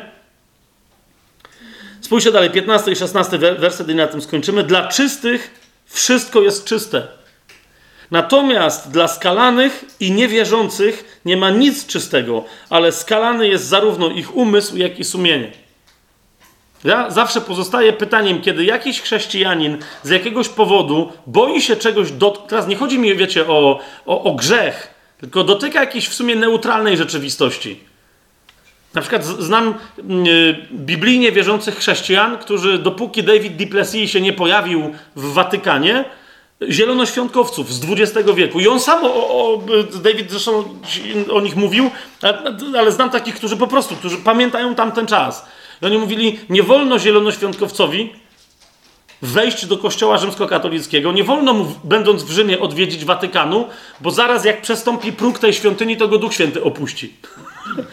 No i to było, wiecie, to było, a David Duplessis dlatego został wywalony, bo był prorokiem posłanym wprost do kościoła rzymskokatolickiego, żeby tam głosić, tak? Był zielonoświątkowcem, nigdy e, ewangelicznego wyznania nie porzucił, absolutnie. Ale został wyrzucony z wielu kościołów bożych, e, zielonoświątkowych. Dlaczego? No właśnie, bo wchodził do kościoła katolickiego. I po co on tam wchodzi? Na pewno go Duch Święty opuścił. Potem dopiero jak się okazało, że no jednak Duch Święty go nie opuścił, to została teologia nieco zmieniona, tak? Nie, że nie wolno gdzieś wejść. Jasne, że niektórzy wchodzą gdzieś po to, żeby grzeszyć. I jeżeli ktoś wchodzi do nocnego klubu, chrześcijanin, który został y, skuszony i wchodzi tam, żeby grzeszyć, no to ma problem. Ale jeżeli w, w, to, w, w okolicy takiego miejsca, czy nawet w takim miejscu pojawiają się chrześcijanie i wyprowadzają z tego miejsca grzeszników, i prowadzą ich do zbawienia, rozumiecie, to jest zupełnie inna historia. Jaka. Nie... Pan Jezus powiedział, że zbuduje kościół tak silny, że bramy piekielne go nie przemogą. To znaczy, że ten kościół będzie mógł wleźć w każde miejsce, do którego piekło twierdzi, że ma prawo. Kościół będzie tam mógł wejść, wyprowadzić z tego miejsca kogokolwiek i bramy piekielne go nie zatrzymają. Ani w te, ani we w te. To jest, to jest, to jest tyle. Co miałoby, rozumiecie, nas zanieczyścić? Jaki pokarm miałby nas zanieczyścić? Paweł wyraźnie i list, w liście do Rzymian i do Koryntian naucza, mówi, mówi absolutnie, dlatego kto wierzy, nie, to wszystko nie czyni żadnej różnicy. Pobłogosław i jedz. No potem mówi, że są pewne niuanse. I jeszcze raz mówię, skąd się w ogóle w liście, w umyśle chrześcijanina miałaby wziąć koncepcja, że coś będzie silniejsze od łaski Bożej, która przez niego działa? No chyba, że już ma umysł czymś skalany, to wtedy będzie ulegać kolejnym tego rodzaju religijnym, yy, religijnym myślom. No, I o takich ludziach Paweł Ty Tytusowi konkluduje tę swoją wypowiedź w 16 wersecie. Twierdzą, że znają Boga, zwróćcie uwagę na to, twierdzą, że znają Boga, ale swoimi uczynkami temu przeczą. A więc Paweł mówi dokładnie to samo, co Jakub mówi. Pokaż mi swoje uczynki i będę wiedzieć, jaka jest Twoja wiara. Jeżeli Twoje uczynki przeczą temu, o czym mówisz, znaczy, że nie masz żadnej wiary. I jesteś zwodzicielem. Jesteś fałszywym bratem, który został tu przysłany albo sam się przyprowadził dla brudnego zysku, po to, żeby wypróbować i wyszpiegować naszą wolność. Twierdzą, że znają Boga, ale swoimi uczynkami temu przeczą, budząc obrzydzenie, będąc nieposłusznymi, uważajcie, i niezdolnymi do wszelkiego dobrego uczynku. Jakub w niczym nie sprzeciwia się Pawłowi. Przez jednego i przez drugiego przemawia ten sam święty duch, który jednego i drugiego namaścił tak doskonale, że ich słowa zapisane w ich listach, w jednym liście Jakuba i w pozostałych listach Pawła, nie są wewnętrznie sprzeczne, bo autor jest jeden, to jest Duch Święty i wypowiadają tę samą prawdę, pokazują tylko inne jej aspekty. Dzięki Jakubowi możemy mocniej jeszcze podkreślić ten fakt, że poprzez usprawiedliwienie, które jest nam darmo dane z łaski przez wiarę w Jezusa Chrystusa, jesteśmy uzdolnieni w następnym kroku do dobrych uczynków, które Bóg z góry nam przygotował, abyśmy w nich postępowali. Zwróćcie uwagę, zaraz po tym, jak człowiek w sercu uwierzy, pod wpływem tego, co się dzieje w jego sercu, może podjąć pierwszy uczynek wiary, a tym uczynkiem jest wyznanie, że Jezus jest Panem. Paweł mówi, kto w sercu swoim uwierzy, a ustami wyzna, będzie zbawiony. Pamiętacie to? Kto w sercu swoim uwierzy, że Bóg Jezusa wskrzesił z martwych, a ustami wyzna Jezusa Panem, będzie zbawiony. Bo sercem przyjęta wiara prowadzi do sprawiedliwości. Sprawiedliwość powoduje prze, natychmiast przemianę, przemianę. Sercem przyjęta wiara powoduje przemianę. Człowiek staje się nowym stworzeniem. W tym akcie otrzymuje nowe serce i nowego ducha. I wreszcie Duch Święty ma miejsce w tobie, w którym, z którego może zacząć działać. Tym miejscem jest Twój nowy duch. Skąd o tym wiemy, że tak się to wszystko dzieje? Ponieważ Paweł do Koryntian mówi: Nikt nie może powiedzieć, kto nie ma Ducha Świętego, że Jezus jest Panem. Nikt nie jest w stanie tego powiedzieć. Jeżeli ktoś to wyznaje, to znaczy, że tego ducha dostał. To znaczy, że zanim się odezwał, jego wiara poruszająca serce już tego dokonała. Już zaczął wierzyć, tak jak Pan Jezus powiedział, kto jest spragniony, niech przyjdzie do mnie i pije. Kto wierzy, tak jak mówi pismo, strumienie rzeki żywej wody popłyną z jego wnętrza. A Jan komentuje, a powiedział to o duchu, który jeszcze nie był dany, bo Jezus nie był uwielbiony. Pamiętacie to? Więc taka jest dynamika. Usprawiedliwienie w wierze uzdalnia człowieka do uczynków dobrych, w tym także dobrych wobec Boga. I pierwszym dobrym czynem jest wyznanie wiary ustami, że Jezus jest Panem. Jeżeli ktoś wyznaje zgodnie z Duchem Świętym, że Jezus jest Panem, to co za tym idzie? Skoro Jezus jest Panem, to od tej pory chcę być, nie tylko chcę być, ale mogę być posłuszny Jezusowi. W związku z tym wykonuje kolejny krok, rozprawiający się z liczbą jego grzechów, nie z jego grzesznością, ale z liczbą jego grzechów. Mianowicie, co robi? Idzie pod wodę w imieniu Jezusa Chrystusa, żeby nie tylko mieć życie przez wiarę w jego zmartwychwstanie, ale również, żeby się schronić na zawsze w mocy jego śmierci, żeby od tej pory móc żyć życiem, życiem świętym.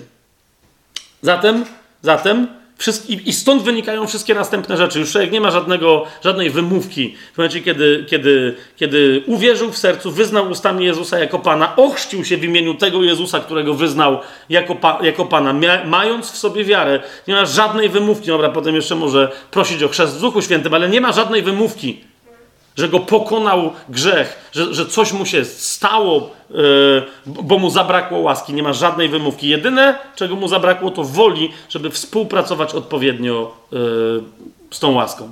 A więc o kolejnych, bo myślę, że temat usprawiedliwienia z wiary, żeśmy na tyle, na ile to ma sens, yy, przy rozważaniu listu do Rzymian wyczerpali. I w następnym kroku pójdziemy do, do, do tego, co, co jest skutkiem tej przemiany wynikającej z usprawiedliwienia, e, a więc co należy do wyznawania wiary, a zwłaszcza do tego konkretnego aktu, jakim jest chrzest. Czym jest chrzest? W jakim sensie chrzest nie jest zbawiający, a w jakim sensie chrzest jest jak najbardziej zbawiający? Dlaczego w niektórych momentach Słowo Boże mówi o tym, że tylko i wyłącznie wiara jest, jest zbawiająca, a potem jednak pokazuje, że w pewnym kontekście rozumienia zbawienia nie ma innej możliwości, jak tylko się ochrzcić, żeby doświadczyć pełni zbawienia. Ale to następnym razem. Amen.